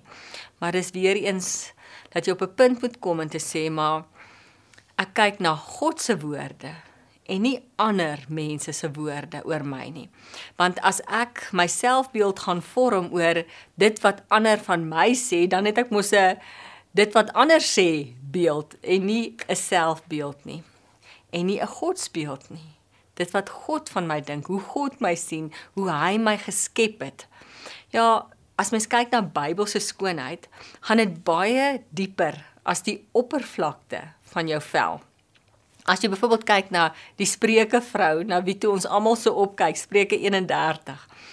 Wie daar staan nie dat sy plooiloos was en 'n pragtige middeltjie gehad het en 'n model gesin gehad het nie. Nee, ons lees dat sy 'n omgee hart gehad het en dat sy waarde toegevoeg het in die mense om haar se lewens en in haar gemeenskap. So 'n Bybelse skoonheid en wat die Bybel vir ons sê rondom dit wat bewonder moet word is anders as wat ons vandag sien. Nou Ag en ons moet ook maar versigtig wees want as mens so op sosiale media is, uh mens kry mos maar iets soos Photoshop. en uh mense wat wat hulle self so Photoshop dat jy hulle nie in die straat sal herken nie, nou. So wees ook maar versigtig vir dit en weer eens daai vergelyk ding. Daar's 'n pragtige verhaal wat vir my so mooi uitbeeld dat skoonheid gaan veel dieper as die oppervlakte van jou vel. En dit gaan oor hierdie dogtertjie en haar mamma. En die mamma was pragtig geweest. En die dag sit die dogtertjie by haar mamma, sy was seker so 6 jaar oud die dogtertjie. En sy vat aan haar mamma se hare en sy sê: "Ag, oh, mamma, die mooiste hare." En sy vat aan haar mamma se gesiggie en sy sê: oh, "Mamma se vel is so mooi." Maar die mamma se hande was vol letsels, brandmerke. En sy sê maar hoekom is mamma se hande nie mooi nie? Hoekom is mamma se hande so vol letsels en lelik en brandmerke? En die mamma sê toe nou ek dink jy's nou oud genoeg dat ek vir die storie kan vertel agter my hande. Toe jy klein babietjie was, het ek wasgoed buite in die tuin opgehang en toe ek omkyk toe besef ek die huis is aan die brand. En ek het in die huis ingestorm en ek het met my kaal hande het ek die vlamme doodgeslaan om jou lewe te red. En ek dink so klein soos wat daai meisiekind was, 6 jaar oud, het sy besef wat ware skoonheid is. En dat ja, mamma se hare is mooi en haar vel is mooi en sy's pragtig. Maar dit wat eintlik mooi was aan haar mamma, was hierdie hande vol letsels, want dit het haar lewe gered. Ek gaan hierdie storie illustreer sommer vir my, uh wat ware skoonheid is. Miskien het jy ook al iemand ontmoet en aanvanklik dan dink jy, "Sjoe, dis die mooiste mens, model mooi mens." En dan begin hierdie persoon praat en dan sit kritaal en uh, lelike woorde en afbreekend en skinder en het jy al agterkom baie mense kan vir jou soms selfs fisies mooier raak hoe ouer hulle raak of minder aantreklik.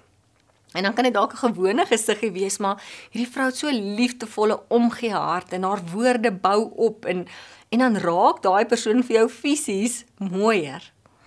Ek wonder of dit nie iets is van 'n innerlike skoonheid wat begin uitkom nie. So wat waaroor gaan skoonheid nou eintlik? Nou wat is die persepsie van skoonheid? En as ons die Bybel reg verstaan, dan gaan dit veel dieper as die oppervlakte van jou vel. En ja, gaan dit oor om nie vertroue in jouself te stel nie. As ek moet vertroue in myself stel, gaan gaan ek myself soveel keer teleurstel. As ek moet in myself glo, gaan ek myself soveel keer teleurstel, maar ek glo in God. Ek vertrou God en daarom kan ek God se vertroue hê of dan selfvertroue hê. Maar ja, ons weet al hierdie dinge, nou ons weet dit, maar ons sukkel om dit te word. Ons sukkel om dit regtig te glo. As mens nou kyk na wat die woord alles sê dat ons uh, na God se beeld geskep is, dat hy ons wonderbaarlik geskep het, dat ons sy kinders is, dat ons sy verteenwoordigers, dat hy altyd by ons is. Ons ken hierdie teksverse, maar dis amper asof ons dit nog nie geword het nie, want die oomblik as die moeilikheid slaan, dan vra ons, waar is God? Maar ons weet die woord sê, hy's altyd by ons, né? Ons kan onsself mors dood bekommer, al weet ons die woord sê maar God is daar en hy sal jou dra en hy sal uitkoms gee. So ons praat nie soos gelowiges nie en ons tree nie regtig altyd soos gelowiges op nie. Al is ons veronderstel ons weet hierdie goed, maar ons het dit nog nie geword nie. Uh, ek lees net nou die dag weer die verhaal wat Jesus die regeringsamptenaar se seun gesond gemaak het.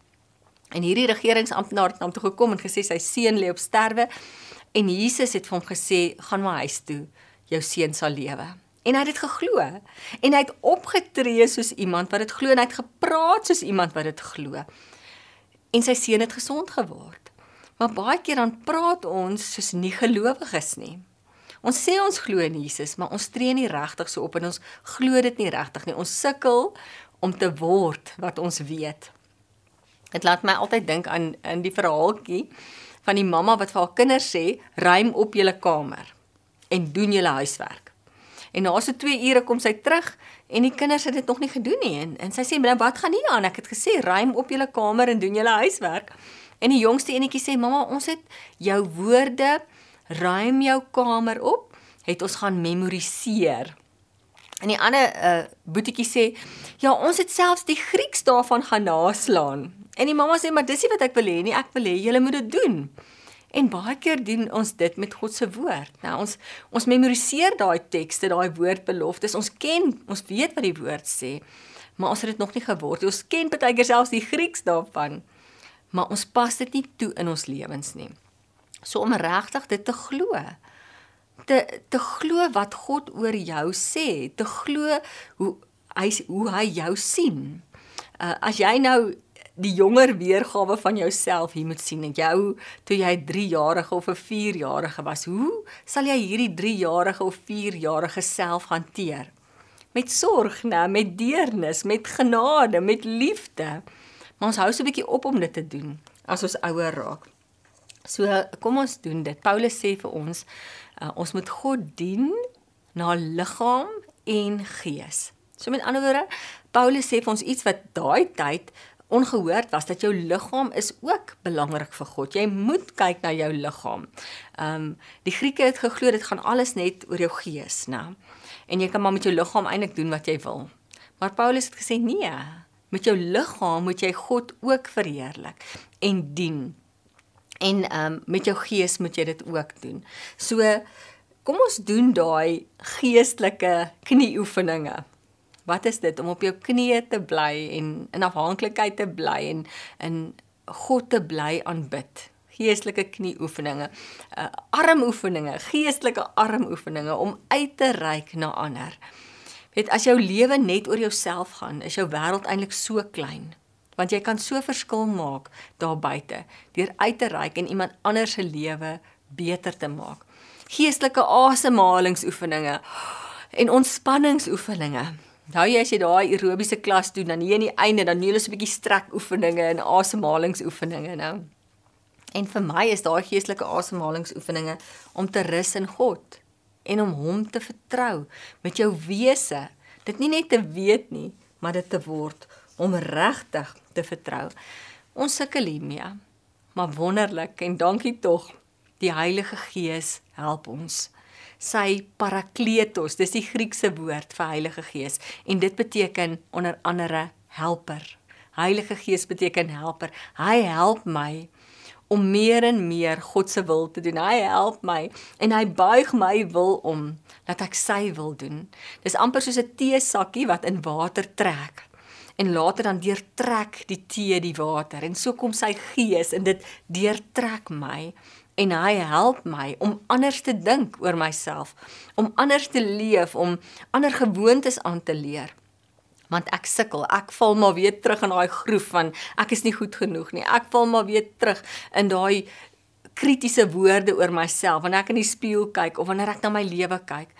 Maar wanneer jy sy gees innooi en sê Here, sit op die troon van my lewe, dan help hy jou om anders te leef, om anders te dink, om anders op te tree.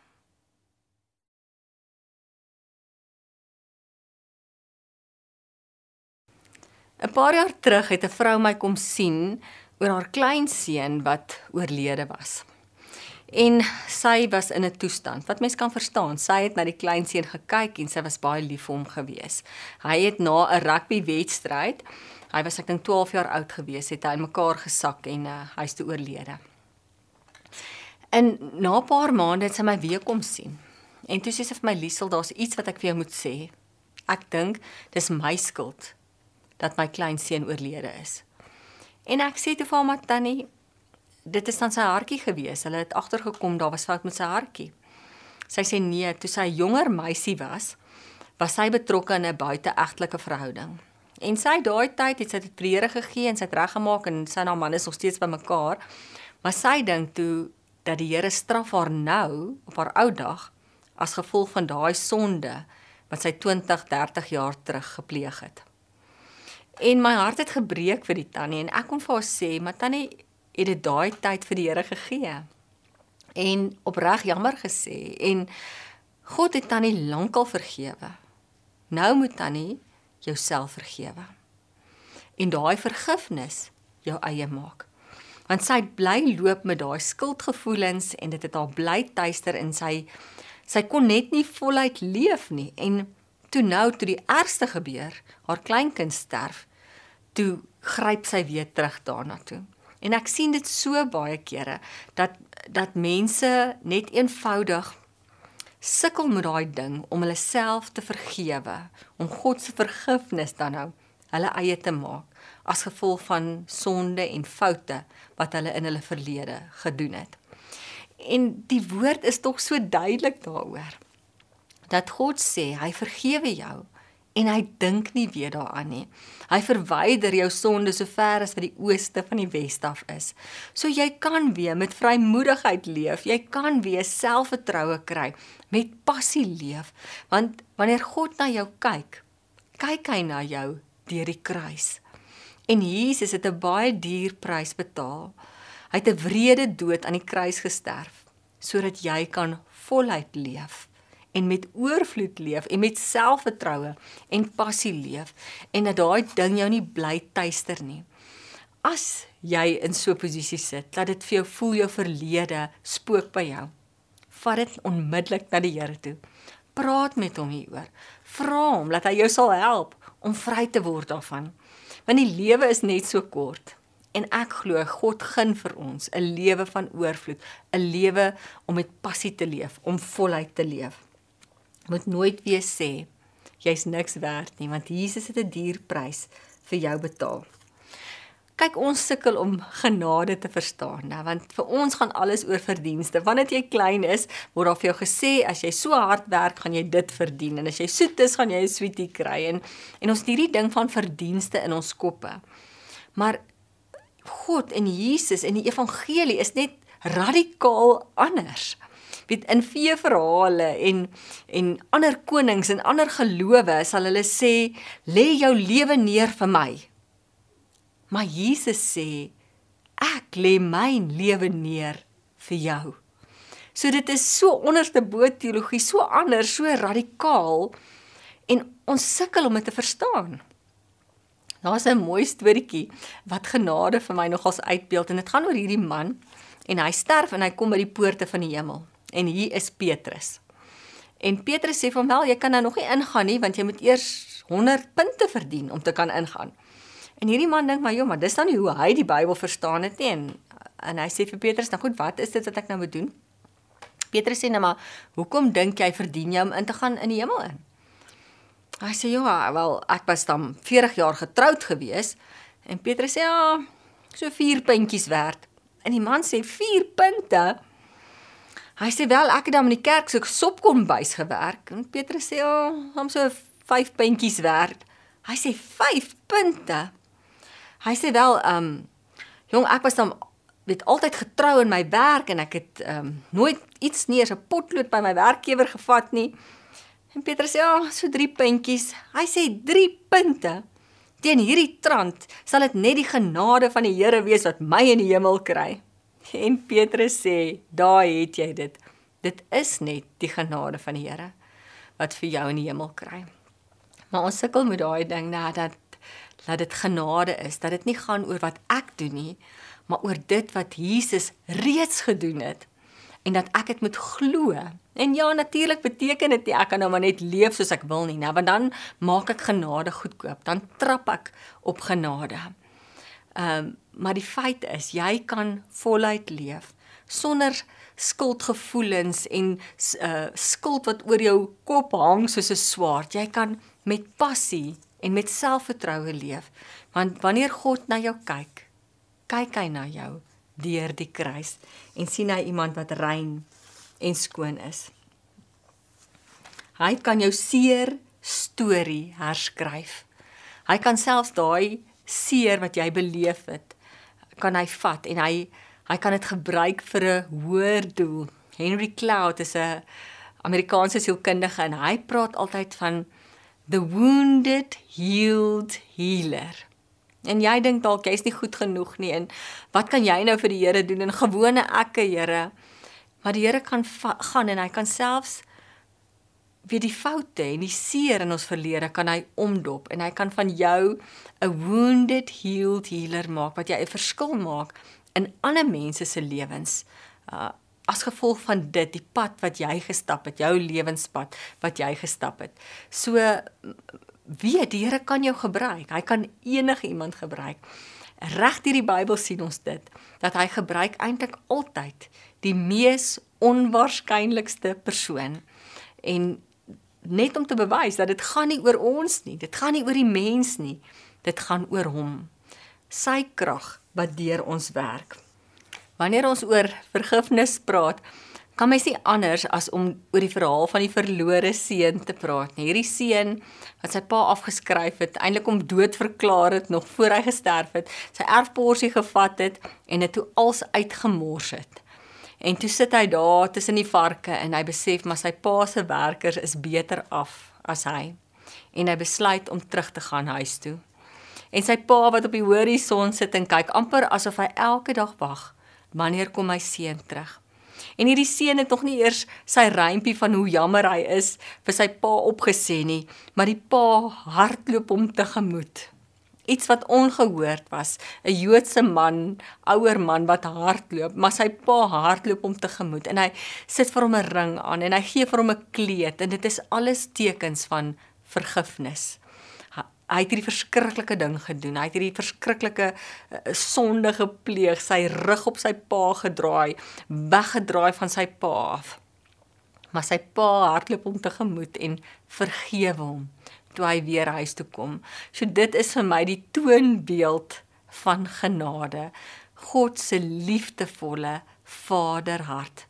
En dit is wat hy vir jou gee. En as jy sukkel om voluit te leef, as jy sukkel om met selfvertroue te leef, as jy sukkel om daai beeld van jouself te sien soos God jou sien, dan moet jy by sy voete gaan sit dat hy vir jou weer uh, die regte visie kan gee, dat hy vir jou weer kan help om te besef dat hy kyk na jou deur die kruis. Net so baie keer sien ek dat mense maak hulle pyn hulle identiteit. Hulle maak hulle pyn hulle identiteit. 'n Vrou sal sê ek is geskei, amper asof sy dink haar hele wese in sy spel nou egskeiding of ek is depressief, asof sy depressie is. Nou, jong mense sal voor my sit en sê my vel is so lelik en ek voel soos een groot pysie. Ek is een groot pysie. Nou ons maak ons pyn ons identiteit. En dit is nie wie jy is nie. Uh jy is 'n kind van die lewende God.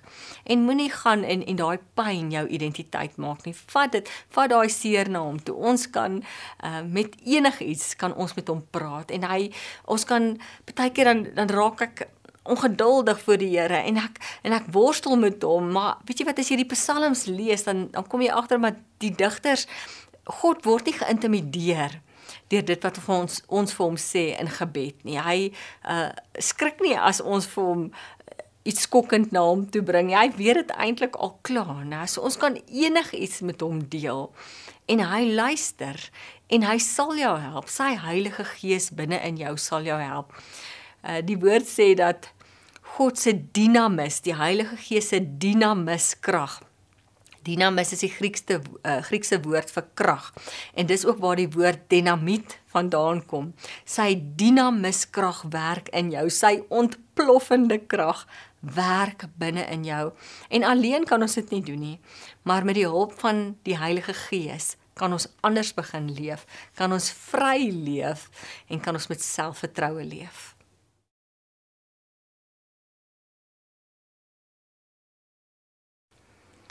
sien in jou geestesoog iemand wat skarrel, wat gedurig bekommerd is, wat rondhardloop, wat laat is, wat uh hier vat en daar los teenoor iemand wat rustig is en stylvol is en kalm is en luister regtig in iemand se oë kyk as hy vra hoe dit gaan om regtig te hoor hoe dit gaan hierdie twee teenpole nou. En vir my is daai laaste een amper die toonbeeld van iemand wat selfversekerd is, rustig in haarself is.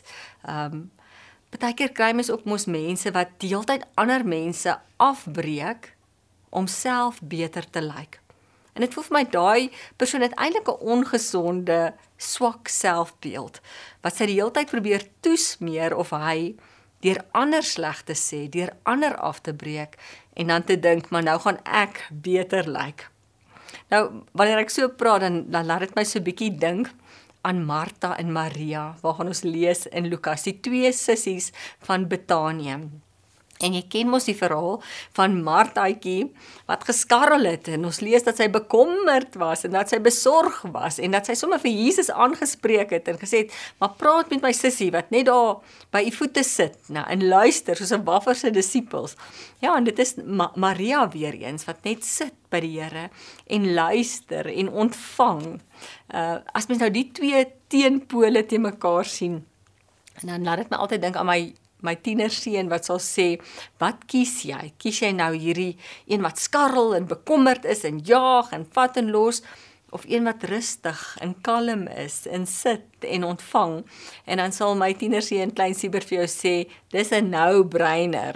Dis 'n no-brainer. Ek wil rustig wees en ek wil ontvang by die Here en ek wil in kalmte by hom sit dat hy my toerus." Nou, Maar hierdie verhaal is so oud en is so bekend, amper oorbekend vir ons, maar tog sukkel ons vandag nog om tot rus te kom by hom en om daai kalmte te kry en daai selfversekerdheid te kry en rus in hom te kry en ons wil die hele tyd skarrel en bekommerd wees um, om tyd te spandeer by sy voete. Ek dink een van die redes hiervoor is is dat ons dink ons is in beheer. En as jy dalk soos ek is, ek is so 'n bietjie van 'n perfeksionis en 'n beheervraat en ek wil weet wat gebeur môre en ek wil um, in kontrole wees, ek wil in beheer wees. En is eintlik bietjie arrogant om so te dink, want eintlik dink jy dan jy's God. Iemand het mos eendag gesê, daar is 'n God en is nie ek of jy nie. Maar wanneer ons so in beheer wil wees, dan is dit vir my baie keer asof ons God probeer speel. En daar lê eintlik soveel rustigheid en vrede daarin om oor te gee aan God. En om soos Maria by sy voete te sit en te vertrou. En te weet maar ek is nie in beheer nie en ek hoef ook nie in beheer te wees nie want hy hou die toekoms in sy hand. En daar sit 'n groot stuk godsvertroue, selfvertroue daaraan om to let go and to let God, to let go and to let God. En ja natuurlik uh, beteken dit nie ek kan nou terugsit en ek hoef nou niks te doen nie. Ek sê altyd dit is nie wat die verhaal van Martha en Maria vir ons sê dat ek nou uh, by 'n klooster kan aansluit en ek hoef nie meer te werk nie en ek kan al my verpligtinge en verantwoordelikhede by die venster uitgooi. Nee, dit is nie wat die verhaal vir ons sê nie. Dit gaan oor prioriteit en dat dat hy ons prioriteit moet wees want dit is juis by sy voete En wanneer ons tyd spandeer by hom, wat hy ons toerus en vir ons die kapasiteit gee om aan te gaan met selfvertroue en met passie te leef en insig gee en wysheid gee om voluit te leef volgens sy wil. Daar's 'n oulike storieetjie eh, wat dit vir my so mooi illustreer en dit gaan oor hierdie jong monnikie En hierdie monnik het groen vingers gehad. Hy het in 'n tuin gewerk van die klooster en die tuin was pragtig geweest. En op 'n stadium toe kom die naburige dorp se priester by hulle klooster besoek af lê. En die jong monnikie en die priester stap deur die tuin en joeg al wat hierdie priester sê is God se tuin nie pragtig nie. En dan stap hy weer so eentjie en hy sê is God se tuin nie pragtig nie. En later het hierdie jong monnikie nou so 'n bietjie ongemaklik begin voel want hy het gevoel, "Jo, hy dan groot aandeel aan hierdie tuin. Hy werk in die tuin en hy spandeer baie tyd in die tuin." En hy sê toe so ewe droog vir hierdie priester, "Jy moes gesien het hoe dit gelyk het toe dit net God se tuin was." en ja, ons lag oor hierdie storie, maar die kruks van hierdie verhaal is is dat ja, ons kan goeie rentmeesters wees. Ja, ons kan onderhou, Maar ons kan nie lewe gee nie. Ons kan nie reën uit die hemel laat val nie. Dit is God se werk. Ons is nie in beheer nie en ek en ek dink um wanneer jy so skarrel en wanneer jy so besorg is en so rondhardloop, dan roof dit jou van 'n stuk selfvertroue. Vertrou God. Wanneer ek terugkyk oor my lewe, so ruk terug um het ek deur 'n slegte ervaring in die besigheidswêreld gegaan wat wat iemand ons ingedoen het in die besigheidswêreld. En ek onthou dit was vir my so sleg want ek is nie iemand wat hou van konflik nie en ek vertrou mense en ek sien die beste in mense. En ek het letterlik fisies siek geword as gevolg van hierdie gebeurtenis. Vir 2 weke was ek platgeslaan in die bed want ek ek kon dit my liggaam het regtig gereageer op dit. En nou so ruk terug het die hele ding ontlont. En as ek nou terugkyk, dan besef ek plaas het ek die Here daai tyd net vertrou. Maar ek was so gestres, ek het dit so aan my laat kleef. Ek het hom eintlik nie vertrou nie en dit is hoekom ek so siek geraak het. Nou, en ek wil vandag vir jou sê, hoe sal jy optree as jy God regtig vertrou? Want baie keer as ons so terugkyk, dan besef ons, maar alles het toe eintlik goed en mooi uitgewerk. Plaas het ek hom net eenvoudig meer vertrou. Vertrou God. Jy hoef nie in beheer te wees nie. Hy is. Hy hou die toekoms in sy hand. Ehm um, ek dink ons moet versigtig wees daarvoor. As ek so angstig raak en ek dink, "Sjoe, dinge lyk of dit nou suid gaan," dan kyk ek terug. En ek loop as te ware agteruit vorentoe. En ek onthou wat God vir my in die verlede gedoen het, hoe hy my gedra het in die verlede, hoe hy uitkoms gegee het in die verlede. Nie dalk altyd onmiddellik nie, né? Maar wanneer ek terugkyk en ek herinner myself oor hoe hy my al, altyd daar was vir my, dan skep ek nou in die hede moed, want dan weet ek hy is gister, vandag en môre dieselfde. En soos hy my gister gedra het, so sal hy my ook vandag dra en sal hy my ook môre dra en ek kan hom vertrou om agteruit vorentoe te loop. Bybelse tyd se mense het dit gedurig gedoen. Daarom sien ons dat Israel so baie feeste vier. Nou hulle uh, vier hulle uit tog uit Egipte uit, die die Pasga ensovoorts, want hulle onthou Hulle herinner hulle self hoe God vir hulle daar was in die verlede en dan gee dit hulle moed vir die hede en vir die toekoms en hulle weet Hy sal weer daar wees vir hulle. Uh moenie so verbeete vasklou aan jou eie ou pogingkies nie. Baie keer dan dink ek my ou pogingkies bepaal die eindresultaat, né? En dit is nie waar nie. Uh dit gaan alles oor God. Ja, ek moet my beste doen. Maar ek hoef nie my beste te vertrou nie. Ek kan God vertrou. Ek doen my beste en dan haal ek asem. Awesome en ek rus in hom. En ek is nie 'n martaatjie wat skarrel en sonder selfvertroue en onseker is en ek is 'n Maria wat rustig is en by sy voete sit en van hom ontvang en hy help my. Maar ja, ehm um, afhanklikheid is 'n vloekwoord vandag, né? Want ons leer ons kinders om tog net onafhanklik te wees.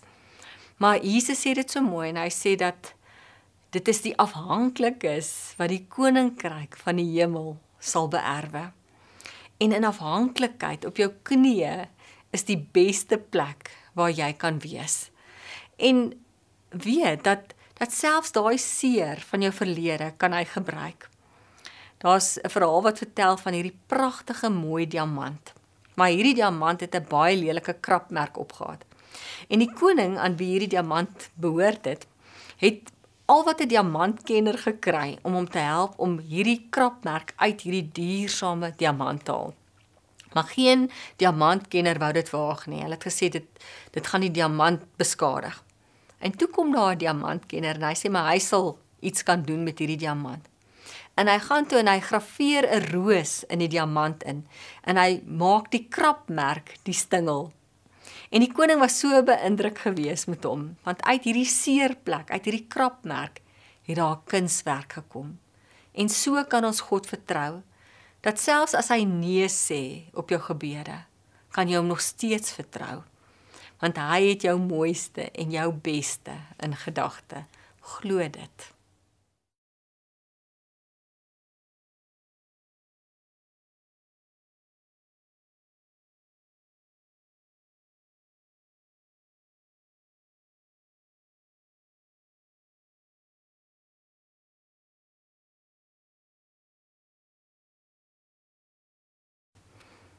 Daar's 'n ware verhaal wat vertel van hierdie vrou wat op 'n tragiese wyse in 'n motorongeluk haar been verloor het. En sy was baie depressief hieroor gewees. Sy kon dit net nie verwerk nie. Mens kan dit verstaan. En op 'n dag het sy so in die dokter se spreekkamer gesit, juis om haar kindsbeen te pas. En terwyl sy so vir die dokter wag, is daar 'n mamma en 'n klein seentjie. En die seentjie is besig om met sy soldaatjies te speel daar op die mat maar hy het so klappie oor sy een oog. En op 'n stadium vra sy vir hom, "Wat is fout met jou oogie?" En hy haal die oogklappie so af en hy sê, "Daar's niks verkeerd met my oog nie. Ek is 'n seerower." En daai woorde verander toe hierdie vrou se hele lewe en sy sien haarself met haar geamputeerde been op 'n skip staan soos Long John Silver en sy tros trotseer die winde en sy staan op hierdie skip en sy trotseer die storms en sy voel haarself soos 'n seerower. En sy stap toe toe, toe haar roep om in die dokter se spreekkamer in te gaan, sukkel sy bietjie om op te staan met die geamputeerde been en 'n klein seentjie soos kinders mos maar partykeer is, sê toe kliphard vir sy mamma: "Mamma, wat's fout met die tannie se been?" En die mamma wil hom so half stil maak en die tannie sê toe net vir hom, die vrou sê toe net vir hom: ek is ook 'n seerower. En dit is vir my so mooi verhaal en is 'n ware verhaal van hoe ons ook anders kan kyk na ons omstandighede, né? En en ons kan nie dit alleen doen nie. God help ons hiermee. Hy kan jou seer storie kan hy herskryf.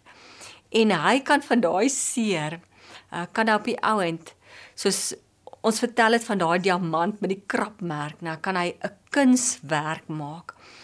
En ons moet dit net vir hom gee want die probleem is baie keer gaan hou ons daai seer vir onsself. En dan skiet dit wortel en dan raak ons verbitterd. Maar om dit te gee vir hom sodat hy kan werk daarmee, sodat hy ons storie kan herskryf, sodat ons 'n wounded healed healer kan raak en ander mense op die manier kan help. Het jy geweet dat uh, die nuutste navorsing, mediese navorsing wat by Hannover Universiteit in Duitsland gedoen is, sê dat as 'n mens glimlag, dan skei jou liggaam endorfine af, voel goed hormone en het dit 'n effek op jou, want dan as jy mos nou meer opgewonde, meer vreugdevol, dit het 'n effek op jou emosies wanneer jy glimlag toe kom hulle agter maar selfs al is dit 'n geforseerde glimlag bly jou liggaam voel goed hormone afskei. Jou liggaam ken nie die verskil tussen 'n geforseerde glimlag en 'n regte glimlag nie. En jou liggaam bly daai voel goed hormone endorfine afskei So baie keer as ek nou in die verkeer sit en ek is op pad na 'n vergadering toe en ek is 'n bietjie gespanne en dan sit ek maar daai geforseerde glimlag hier agter die stuurwiel aan en ek dink die mense dink seker wat gaan aan met hierdie vrou nou. Maar dat jou innerlike en jou uiterlike eintlik so invloed op mekaar het, is merkwaardig. So wees uh, versigtig en kyk anders na jouself.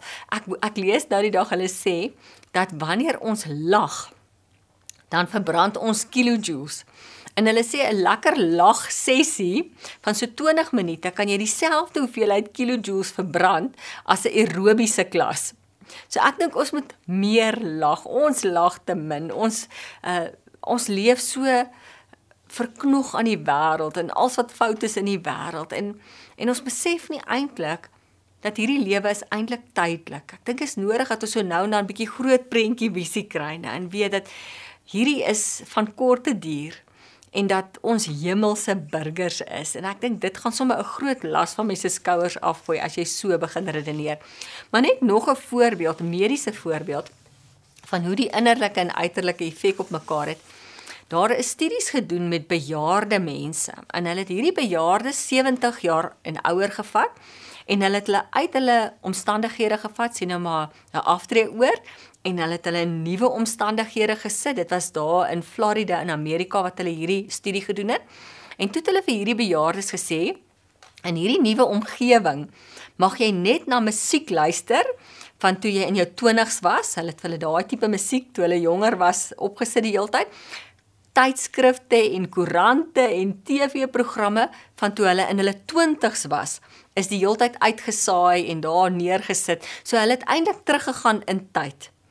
En weet jy hoe interessant was dit hierdie bejaarde mense het toe hulle die hele tyd in hierdie omgewing was van toe hulle 20 was, het begin regopper loop. Hulle het meer groeihormone afgeskei. Hulle vingers het begin groei letterlik. En dit is mediese toetse wat hulle gedoen het deur die hele omstandighede te verander. So net om weer eens vir jou te wys hoe jy dink, hoe die uiterlike 'n invloed het op jou innerlike. En hoe uniek en wonderlik God ons aan mekaar gesit het. En daarom is dit belangrik hoe jy na jou liggaam kyk. Is dit belangrik wat jy inneem? Is dit belangrik hoe jy dink? Want dit het ook 'n effek op jou innerlike. Ag sit sommer so nou en dan vir jou lekker musiek op en dan dans jy bietjie. Uh lees 'n bietjie grappies. Deesdae kan jy dit so maklik gehou op jou foon Google en lag net weer 'n bietjie lekker dat jy sommer ook 'n paar kilojoules verloor. Dat ons net weer daai vreugde kan kry. En wees net verseker hoe kosbaar jy vir God is. En dat hy jou nooit alleen los nie. Herinner jouself gedurig daaraan dat hoe lief hy jou het. Eugene Peterson vertel hy die message vertaling moes uh, geskryf. Hy sê toe hy klein seentjie was, was hy maar en tingerig geweest en hy onthou een insident baie spesifiek. Hy sê hulle het uh, een van hulle sport gespeel op die sportveld en dan sal ons altyd twee kapteins en dan moet die kaptein nou kies wie wil hy in sy span hê en dan kan die volgende kaptein nou kies wie wil hy in sy span hê. En op die eind het omtrent net hy oorgebly, hy wat Eugene is wat mos nou maar ouetjie is. En hy sien toe die twee kapteins beklei en hy besef toe hulle beklei oor wie wil hom nie hê in hulle span nie. Nie een wou hom toe gehad het in hulle span en hy sê net daar gaan sy selfbeeld toe van 0 na minus 0. En baie keer gebeur daar sulke goed in ons lewens. Nou het ons klein tyd um en en breek dit ons selfbeeld af, maar om dan weer weer eens te weet, maar gaan na God toe. Gaan nie oor wat mense sê nie, dit gaan oor wat God sê.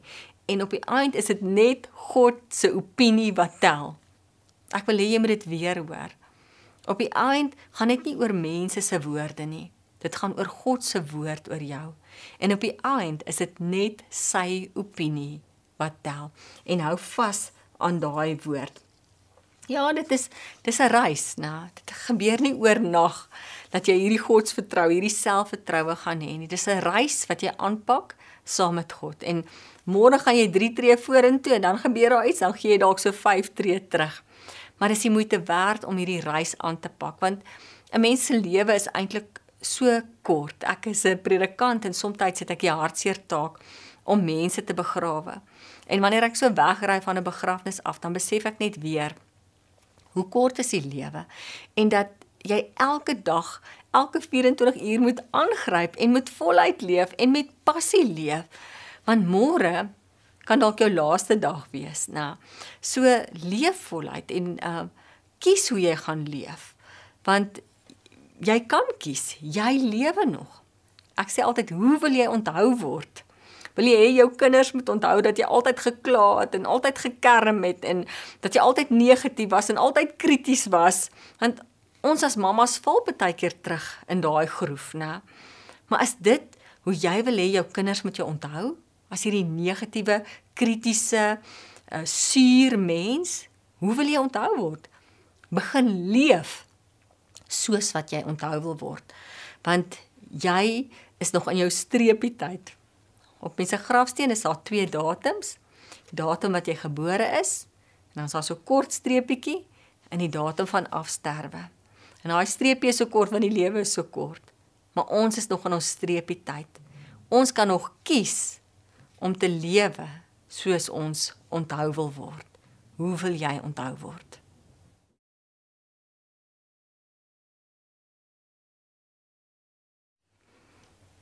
Daar's 'n ware verhaal wat vertel van hierdie vrou wat in 'n tragiese motorongeluk was en haar been verloor het. Sy was juis die dag by die dokter om haar kunsbeen te pas want haar been was toe nog geamputeer. En terwyl sy so by die dokter se spreekkamer sit, is haar klein seentjie wat saam met sy mamma daar is, ook in die spreekkamer sit hulle en wag. En die seentjie speel so met sy soldaatjies. Maar sy sien die seentjie 'n oogklappie oor sy een oog. En later vra sy toe nou vir die seentjie wat is fout met sy oogie. En hy lig toe die die oogklappie op en hy sê daar's niks fout met my oog nie. Ek is 'n seerower. En daardie woorde het hierdie vrou met die geamputeerde been sy hele lewe verander want sy sit toe daar en sy begin haarself sien soos Long John Silver 'n seerower aan boord van 'n skip. En sy staan op hierdie skip en die wind waai en sy sien hoe sy die die winde en die storms trotseer al het sy hierdie geamputeerde been. En sy sien dit in haar geestes oog En toe sy nou opstaan en die dokter vir haar sê sy moet in die in in sy kamers inkom, sien die seentjie dat die tannie het 'n geamputeerde been. En soos kinders maar is, skree hy toe kliphard uit en hy sê: "Wat's fout met die tannie se been?" En die mamma kry so half skaam en sy wil hom so stil maak. Maar die tannie kyk toe net so vir hom en sy sê: "Ek is ook 'n seerower." En hierdie storie illustreer vir my so mooi um hoe ons moet kyk na ons omstandighede en hoe God ons kan help om ons seer storie te herskryf en hoe dit ons hele seer verhaal kan omdop sodat ons weer voluit en met passie en selfvertroue kan leef. Want baie keer hou sekere goed ons onnodiglik terug. Het jy geweet dat 'n uh, mediese navorsing het nou bewys by die Hannover Universiteit daar in Duitsland dat wanneer 'n mens glimlag, skei jou liggaam endorfine af. Dit is voelgoed hormone.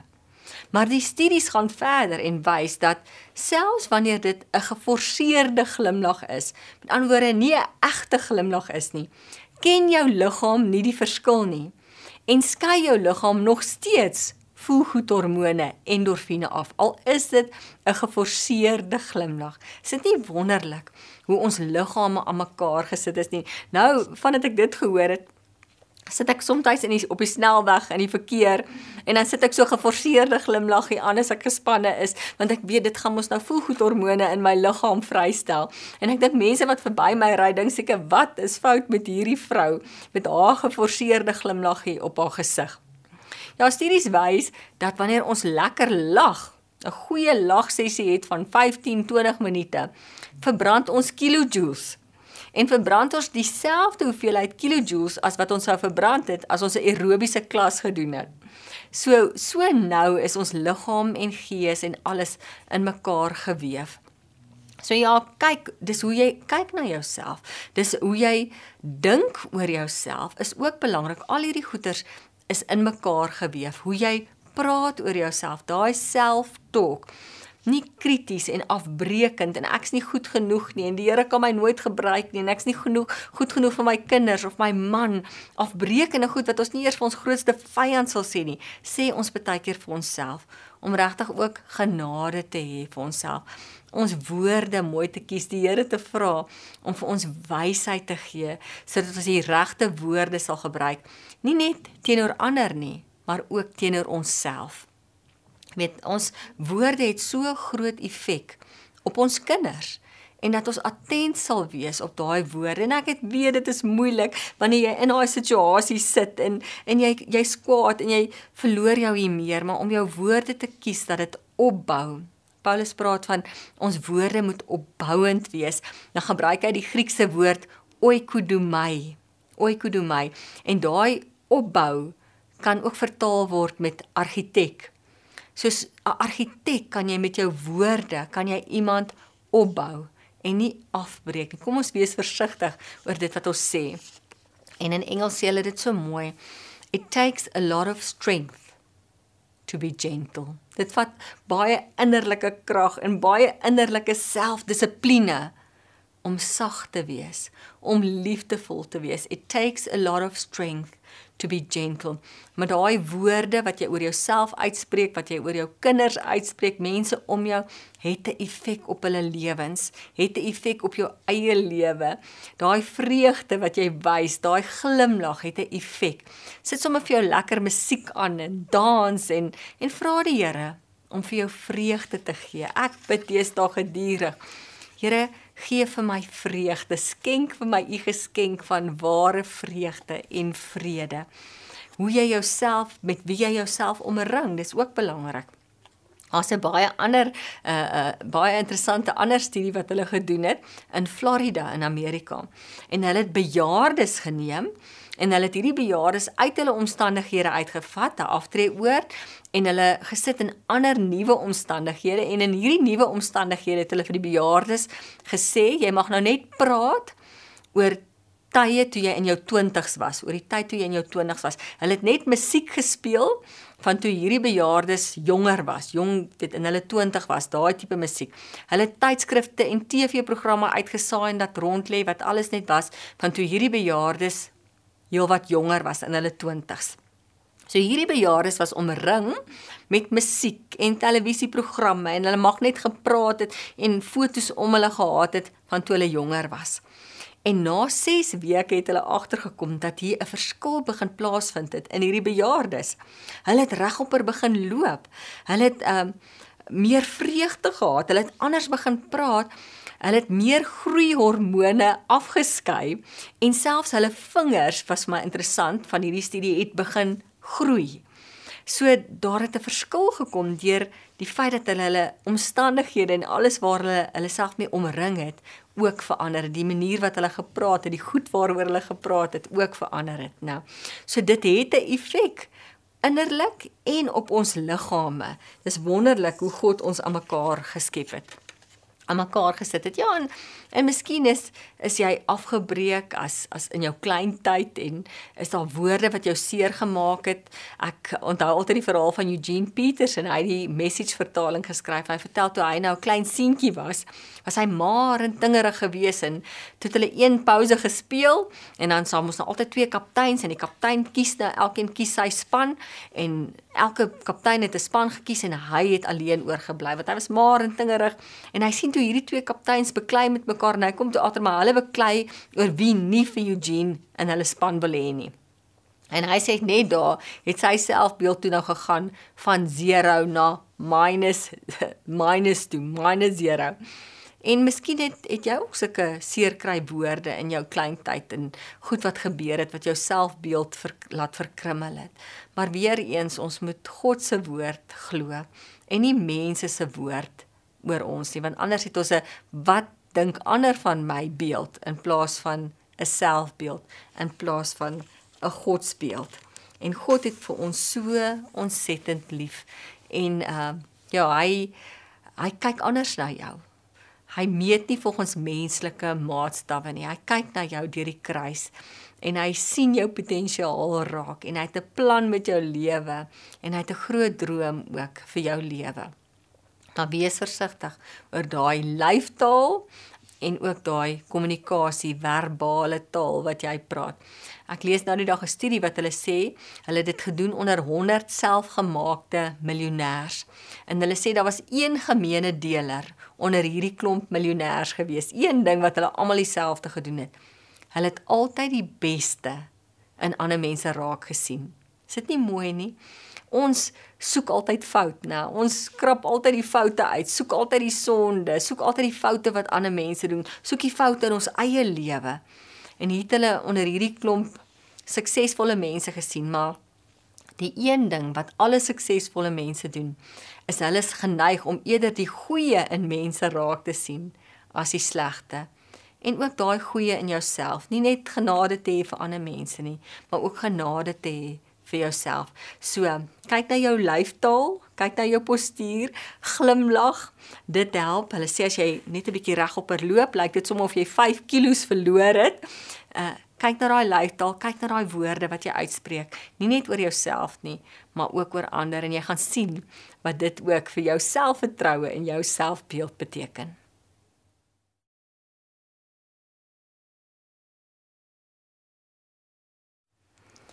In die Oscar-bekroonde film Chariots of Fire sê een van die atlete, dit gaan die film gaan oor die Olimpiese spele en sê een van die atlete voordat hy gaan hardloop, sê hy hierdie baie bekende woorde wat my nogal diep getref het en hy sê I have 10 lonely seconds to justify my existence. I have 10 lonely seconds to justify my existence. En wat hy daardeur gesê het is dat hy nou hierdie resies wat hy moet hardloop en dit bepaal wie hy is. Dit bepaal sy hele wese, sy sy bestaan. En baie keer dan dink ons ook buitegoeters, hoe ek praat, uh die werk wat ek doen, uh my titels, hoe my kinders is, bepaal wie ek is. Dit definieer my. Soos hierdie man gesê het, hierdie 10 sekondes wat hy nou gaan hardloop, dit bepaal sy hele bestaan. En dit is nie waar nie. As ons die Bybel lees, dan kom ons agter dat God kyk anders na ons. En sy woord sê dat jy kosbaar is vir hom en dat dit nie gaan oor dit wat jy doen nie, maar dat dit alles gaan oor dit wat Jesus al klaar gedoen het. Hoor jy, dit is verlede tyd, dit wat hy reeds gedoen het. En dat ons onsself die heeltyd hieraan moet herinner dat Christendom is nie 'n selfdoen geloof nie. Dit is wat het God vir my gedoen. Baie keer dan dink ons geloof Christendom is soos hierdie leer wat ons moet uitklim na die hemel toe en elke treetjie wat ek gee, uh, elke goeie daadjie wat ek doen, klim ek nou bietjie hoër op met hierdie leer hemel toe. En later dan raak ek so bietjie geestelik hoogmoedig, nou dan kyk so bietjie af op die mense hier onder my en dink weet hulle is nou dan nie so oulik soos ek nie en hulle doen nou nie soveel goeie dade soos ek nie. Maar dit is nie Bybelse geloof nie. Want Bybelse geloof sê dit gaan alles oor wat Jesus reeds gedoen het. En dit is waaraan ons geloof gegrond is. En dit beteken nie jy kan nou maar net leef soos wat jy wil nie, nê, maar juis omdat jy besef ek was verlore en nou noem hy my sy kind. Juis omdat jy dit besef, wanneer jy dit snap, dan uit dankbaarheid vir dit wat Jesus vir jou gedoen het, dat hy gesterf het aan die kruis vir jou, wil jy streef daarna om meer en meer sy wil te doen, om in sy voetspore te loop. Maar moet nooit dat uiterlike goed soos dit wat jy kry en waar jy bly en dit wat jy ry en jou titels en hoe jy lyk jou identiteit bepaal nie moenie dat dit jou definieer nie uh soos hierdie man van Chariots of Fire wat gesê het hierdie atletiek wat hy doen die feit dat hy atleet is dit bepaal wie hy is daar was 'n tyd wat ek um gedink het dat hoe ek preek dit bepaal wie ek is En as ek nou afgestap het van die kansel af en daar het nou nie vir my iemand kom sê Liesel maar jou preek het nou baie vir my beteken nie, dan het ek sommer afgehaal gevoel. Dan het gevoel my wêreld tuimel in mekaar want ek het gedink dit maak my wie ek is. Hoe ek preek of ons besighede.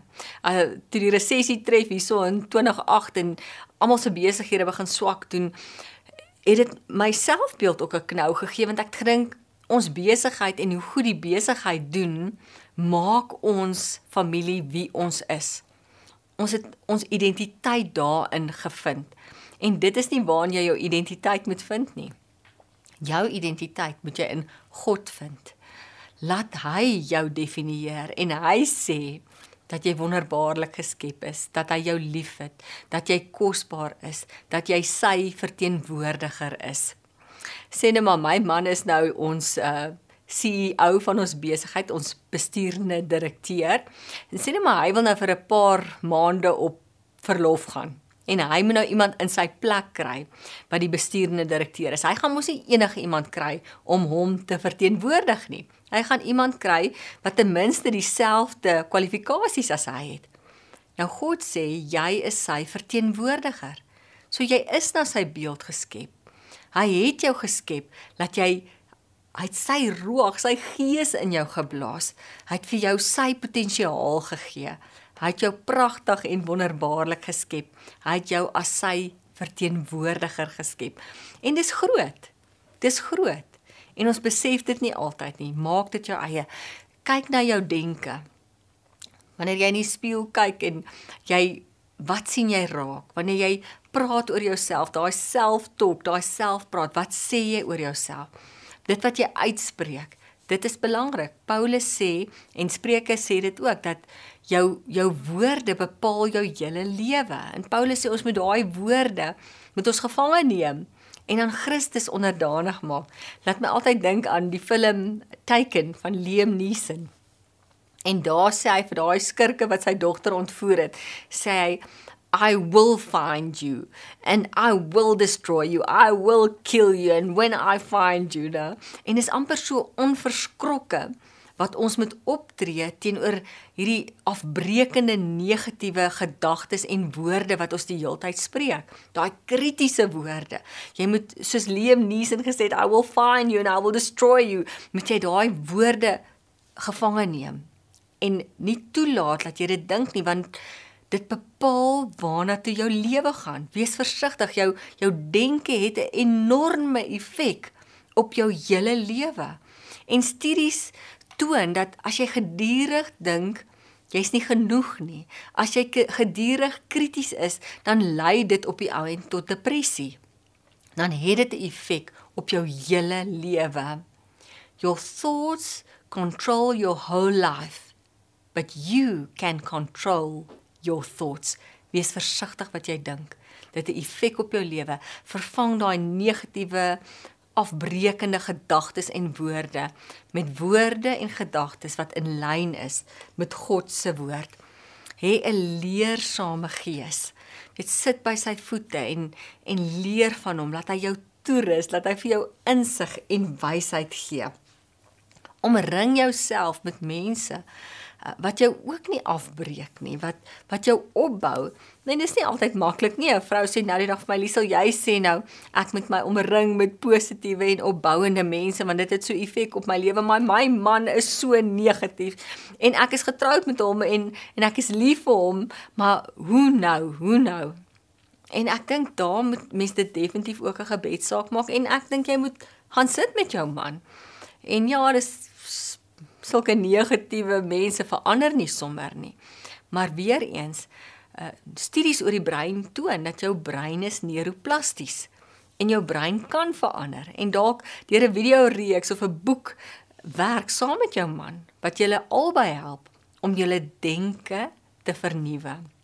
So 'n geloofsgewoonte of 'n dissipline wat jy kan aanleer is om 'n leersame gees te hê, om kyk 'n webinar soos wat jy nou kyk, uh, of ek gaan woon 'n kursus by of koop vir jou 'n goeie boek wat jou gaan help om jou denke te verander, om jou leefwyse te verander. Want uh God wil ook hê jy moet voluit leef en met passie leef. En hoe bly jy gemotiveerd? Hoe bly jy op hierdie pad van ek wil met selfvertroue leef?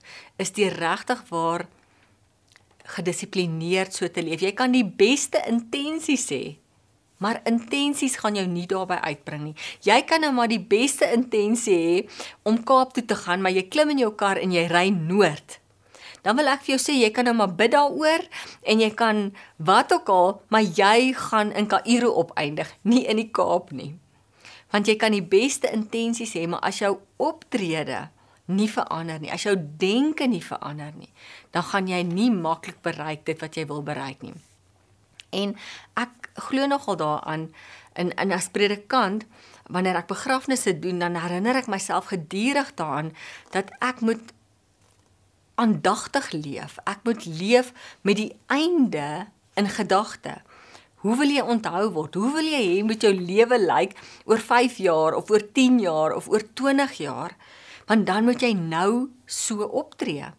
Vat nou maar jou verhouding met jou kinders. Hoe wil jy hê jou kinders is dalk nou nog klein of tieners? Hoe wil jy hê moet daai verhouding met jou kinders lyk oor 10 jaar?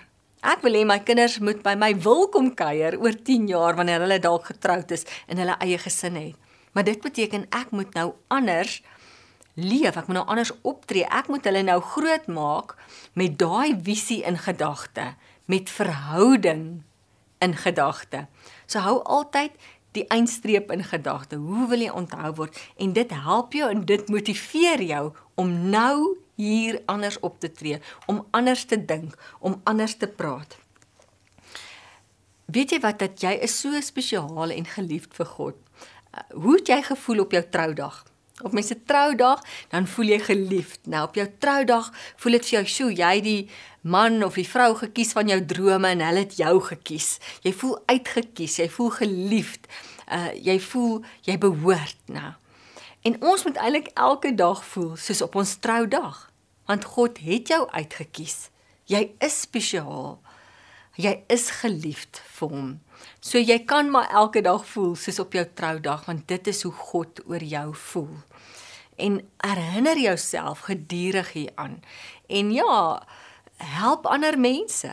Dit verander 'n mens se lewe. Wanneer jy uitreik en ander help, dan help dit jou eintlik soveel meer. So op hierdie reis van om jou selfvertroue te ontwikkel, op hierdie reis om jou selfbeeld te ontwikkel, om dit meer en meer te maak soos God jou sien, help hy jou en leef 'n uh, eh, aanbiddend vra hom om jou te help dat dat jy jouself ook sien soos wat hy jou sien as 'n geliefde, as uitgekies, as sy kind.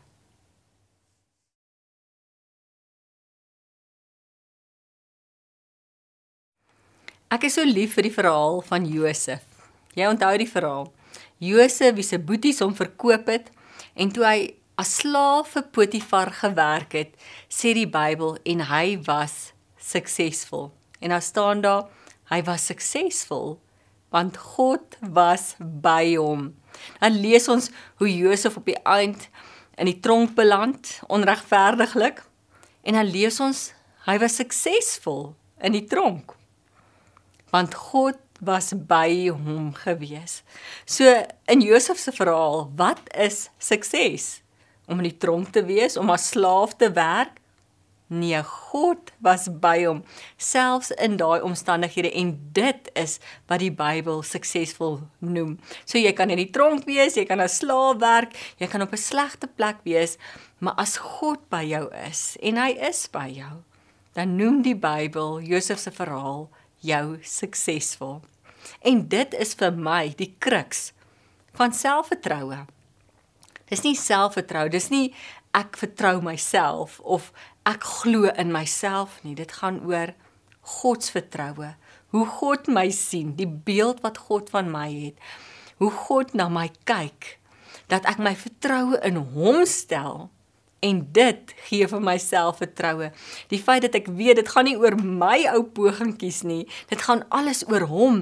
Help my om my skouers terug te trek en voluit te leef en met passie te leef, want dit gaan oor selfvertroue. Dit laat my dink aan hierdie groot, diep rivier wat rustig loop. Dis vir my amper so 'n metafoor van selfvertroue. Nie 'n rivier wat besig is en water in jou gesig spat nie, amper soos iemand wat arrogant is, nê. Hy's so arrogant en hy probeer eintlik daardeur sy swak selfbeeld wegsteek. Nee, eerder 'n diep rivier wat rustig loop, wat mooi in ander raak sien. Nie krities en afbreekend en sleg praat van ander omdat ek beter wil lyk nie daardeur maak jy ook eintlik bietjie jou jou swak selfbeeld, jou ongesonde selfbeeld openbaar as jy dit doen, want dit sê meer van jou as oor die persoon wie jy sleg praat. So 'n diep rivier wat rustig loop. En ja, God se vertroue dat hy by jou is en die woord beloof dat hy jou nooit alleen los nie. Jy kan nooit so ver val dat jy uit sy hand uitval nie. God is by jou en daarom kan jy met selfvertroue leef.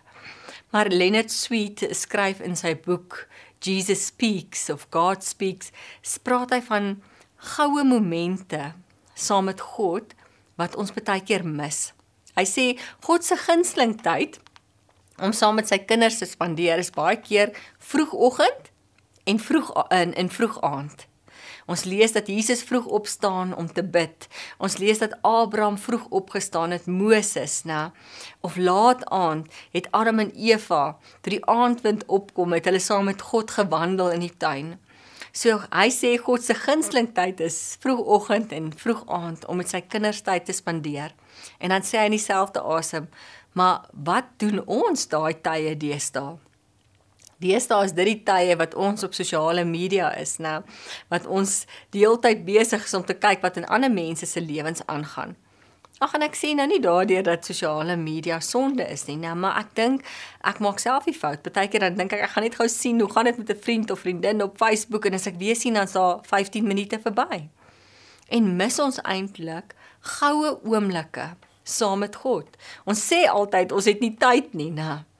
Maar ons het genoeg tyd om op sosiale media te spandeer. So moenie daai goue oomblikke saam met hom mis nie, want dit is daar by sy voete wat hy jou toerus.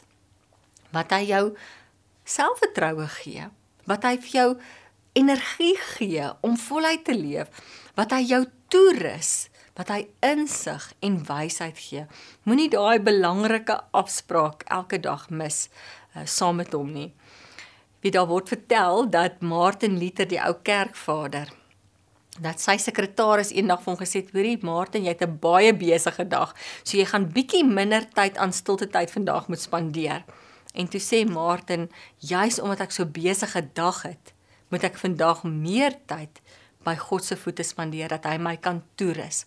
En juis daai tye wat dit vir jou voel, "Ag, jou selfbeeld is platgeslaan." So jy uh, jy's net nie goed genoeg nie. Gaan sit by sy voete. dat hy jou kan toerus, dat jy weer God se vertroue kan kry. Dit Jesus het so duur prys betaal dat daar 'n oop kanaal tussen God en mens kan wees. Hy het gesterf aan 'n kruis. Toe hy aan die kruis hang, toe skeur die voorhangsel van die tempel van die allerheiligste gedeelte nou. En daai gedeelte is so simbolies want net die priester mag een keer 'n jaar in daai allerheiligste gedeelte ingegaan het. Indien hulle het 'n tou aan sy voet vasgemaak het, as hy moet flou word daar binne dat hulle hom daar kan uittrek want niemand mag daar ingegaan het nie. En toe Jesus sterf, toe skeur daai voorhangsel. Hulle reken daai gordyn was so swaar 300 mans moes hom optel. So swaar was daai voorhangsel, daai gordyn wat die allerheiligste geskei het en en daai gordyn skeur en dis simbolies en as jy kyk na die Grieks dan is dit God self wat daai daai gordyn afgetrek het afgebreek het nou sodat ons 'n oop kanaal na hom toe kan hê. So Jesus sterf aan 'n kruis, hy betaal 'n duur prys dat ons tyd kan spandeer saam met die lewende God, dat ons enige tyd dag of nag kan bid, na hom toe kan gaan, in sy arms in kan hardloop en dan baie keer dan dan mis ons daai mooi geleenthede. Nou ons maak nie tyd daarvoor nie. En iemand het eendag gesê as jy nie gaan tyd maak vir God nie, gaan jy later ook nie meer tyd hê vir hom nie. Dit is so belangrik want daar by sy voete rus hy jou toe gee hy vir jou godsvertroue. Vertel altyd die verhaal van die houtkapper en hierdie houtkapper het 'n nuwe werk gekry, so hy was baie ywerig die eerste dag en hy kap 30 bome af en sy werkgewer is baie beïndruk met hom. En die volgende dag kom hy in en hy kap net 28 bome af en hy sê vir sy werkgewer: "Hoorie, ek sal môre vroeër inkom. Ek gaan weer 30 bome afkap." En hy kom vroeër in en hy kap net 26 bome af en hy sê vir sy werkgewer: "Ek gaan môre in my etensuur ook werk. Ek sal weer 30 bome afkap." En hy volgende dag kap hy net 24 bome af en hy staan voor sy werkgewer en die werkgewer sê vir hom: Wanneer laas het jy jou byl geslyp? Want met 'n stom byl gaan jy nie 'n boom afgekap kry nie. En dit is wat ons doen wanneer ons by sy voete rus. Want dit voel baie keer vir ons, so ek het nie tyd om stil te word vir die Here nie, maar dis juist daar wat jy jou byl slyp, wat hy jou help, wat hy jou toerus, wat hy vir jou weer die vertroue gee. Die selfvertroue, die godsvertroue om aan te gaan.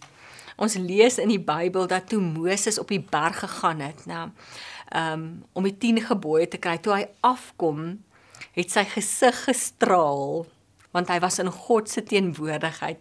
Nou ek weet nie van jou nie, ons is in die velsorgindustrie. Ek wil 'n room ontwikkel wat 'n mens se gesig laat straal, wat jou pragtig laat lyk en en dit is wat gebeur met Moses toe hy tyd spandeer in God se teenwoordigheid. Sy hele gees, sy hele gesig, sy hele voorkoms blink en straal. So dit is wat tyd in God se teenwoordigheid maak. Uh hy omvorm ons dat ons meer en meer soos hy raak. Hy gee vir ons daai liefde vir ander mense. Dit is vir my ook deel van die kruks van van selfvertroue. As jy ander mense onvoorwaardelik kan lief hê, weet laat jy laat jy nie omgee dit gaan nie oor daai ek moet iemand anders slegter laat lyk like, laat ek beter kan lyk like, nie. Jy jy het net onvoorwaardelik lief. En iemand wat so lief het en ek ken so 'n paar mense wat so net liefde uitstraal vir ander mense straal vir my ook selfvertroue uit. Want hulle het onvoorwaardelik lief En wanneer jy by God se voete rus, dan skenk hy vir jou daai liefde, dan dan stort hy sy dwingende liefde vir mense in jou hart uit. Laat jy ook na ander mense kyk soos wat hy na hulle kyk. Wanneer jou wêreldjie net oor jou gaan, wanneer jou drome net oor jou gaan, dan droom jy heeltemal te klein. Maar as by God se voete wat hy jou help en jou toerus en wanneer jy uitreik na ander, dan help jy daai persoon, maar dit help ook sommer vir jou. Minder van my maak my vry. 'n Verhaal wat vertel van hierdie vrou wat wou selfmoord pleeg. En sy spring toe by brug af in 'n rivier in. En daar stap 'n jong man verby en sonder om te dink, spring hy agter haar aan want hy wil haar lewe red. En toe hy so spring, toe besef hy maar hy's nie eintlik 'n goeie swemmer nie. En toe hy die water tref, toe toe wil hy net verdrink. En hierdie vrou besef, hierdie man wou haar red en hier's hy nou besig om te verdrink. en sy gaan en sy red sy lewe en dit red haar lewe. En dit is wat gebeur wanneer ons uitreik, wanneer ons fokus van onsself afgaan en ons ons fokus op ander mense sit en dit nie net gaan oor me myself and I want dit is waaroor die lewe vandag gaan. En dit is waaroor selfvertroue gaan, maar wanneer ek daai fokus verander na ander mense toe.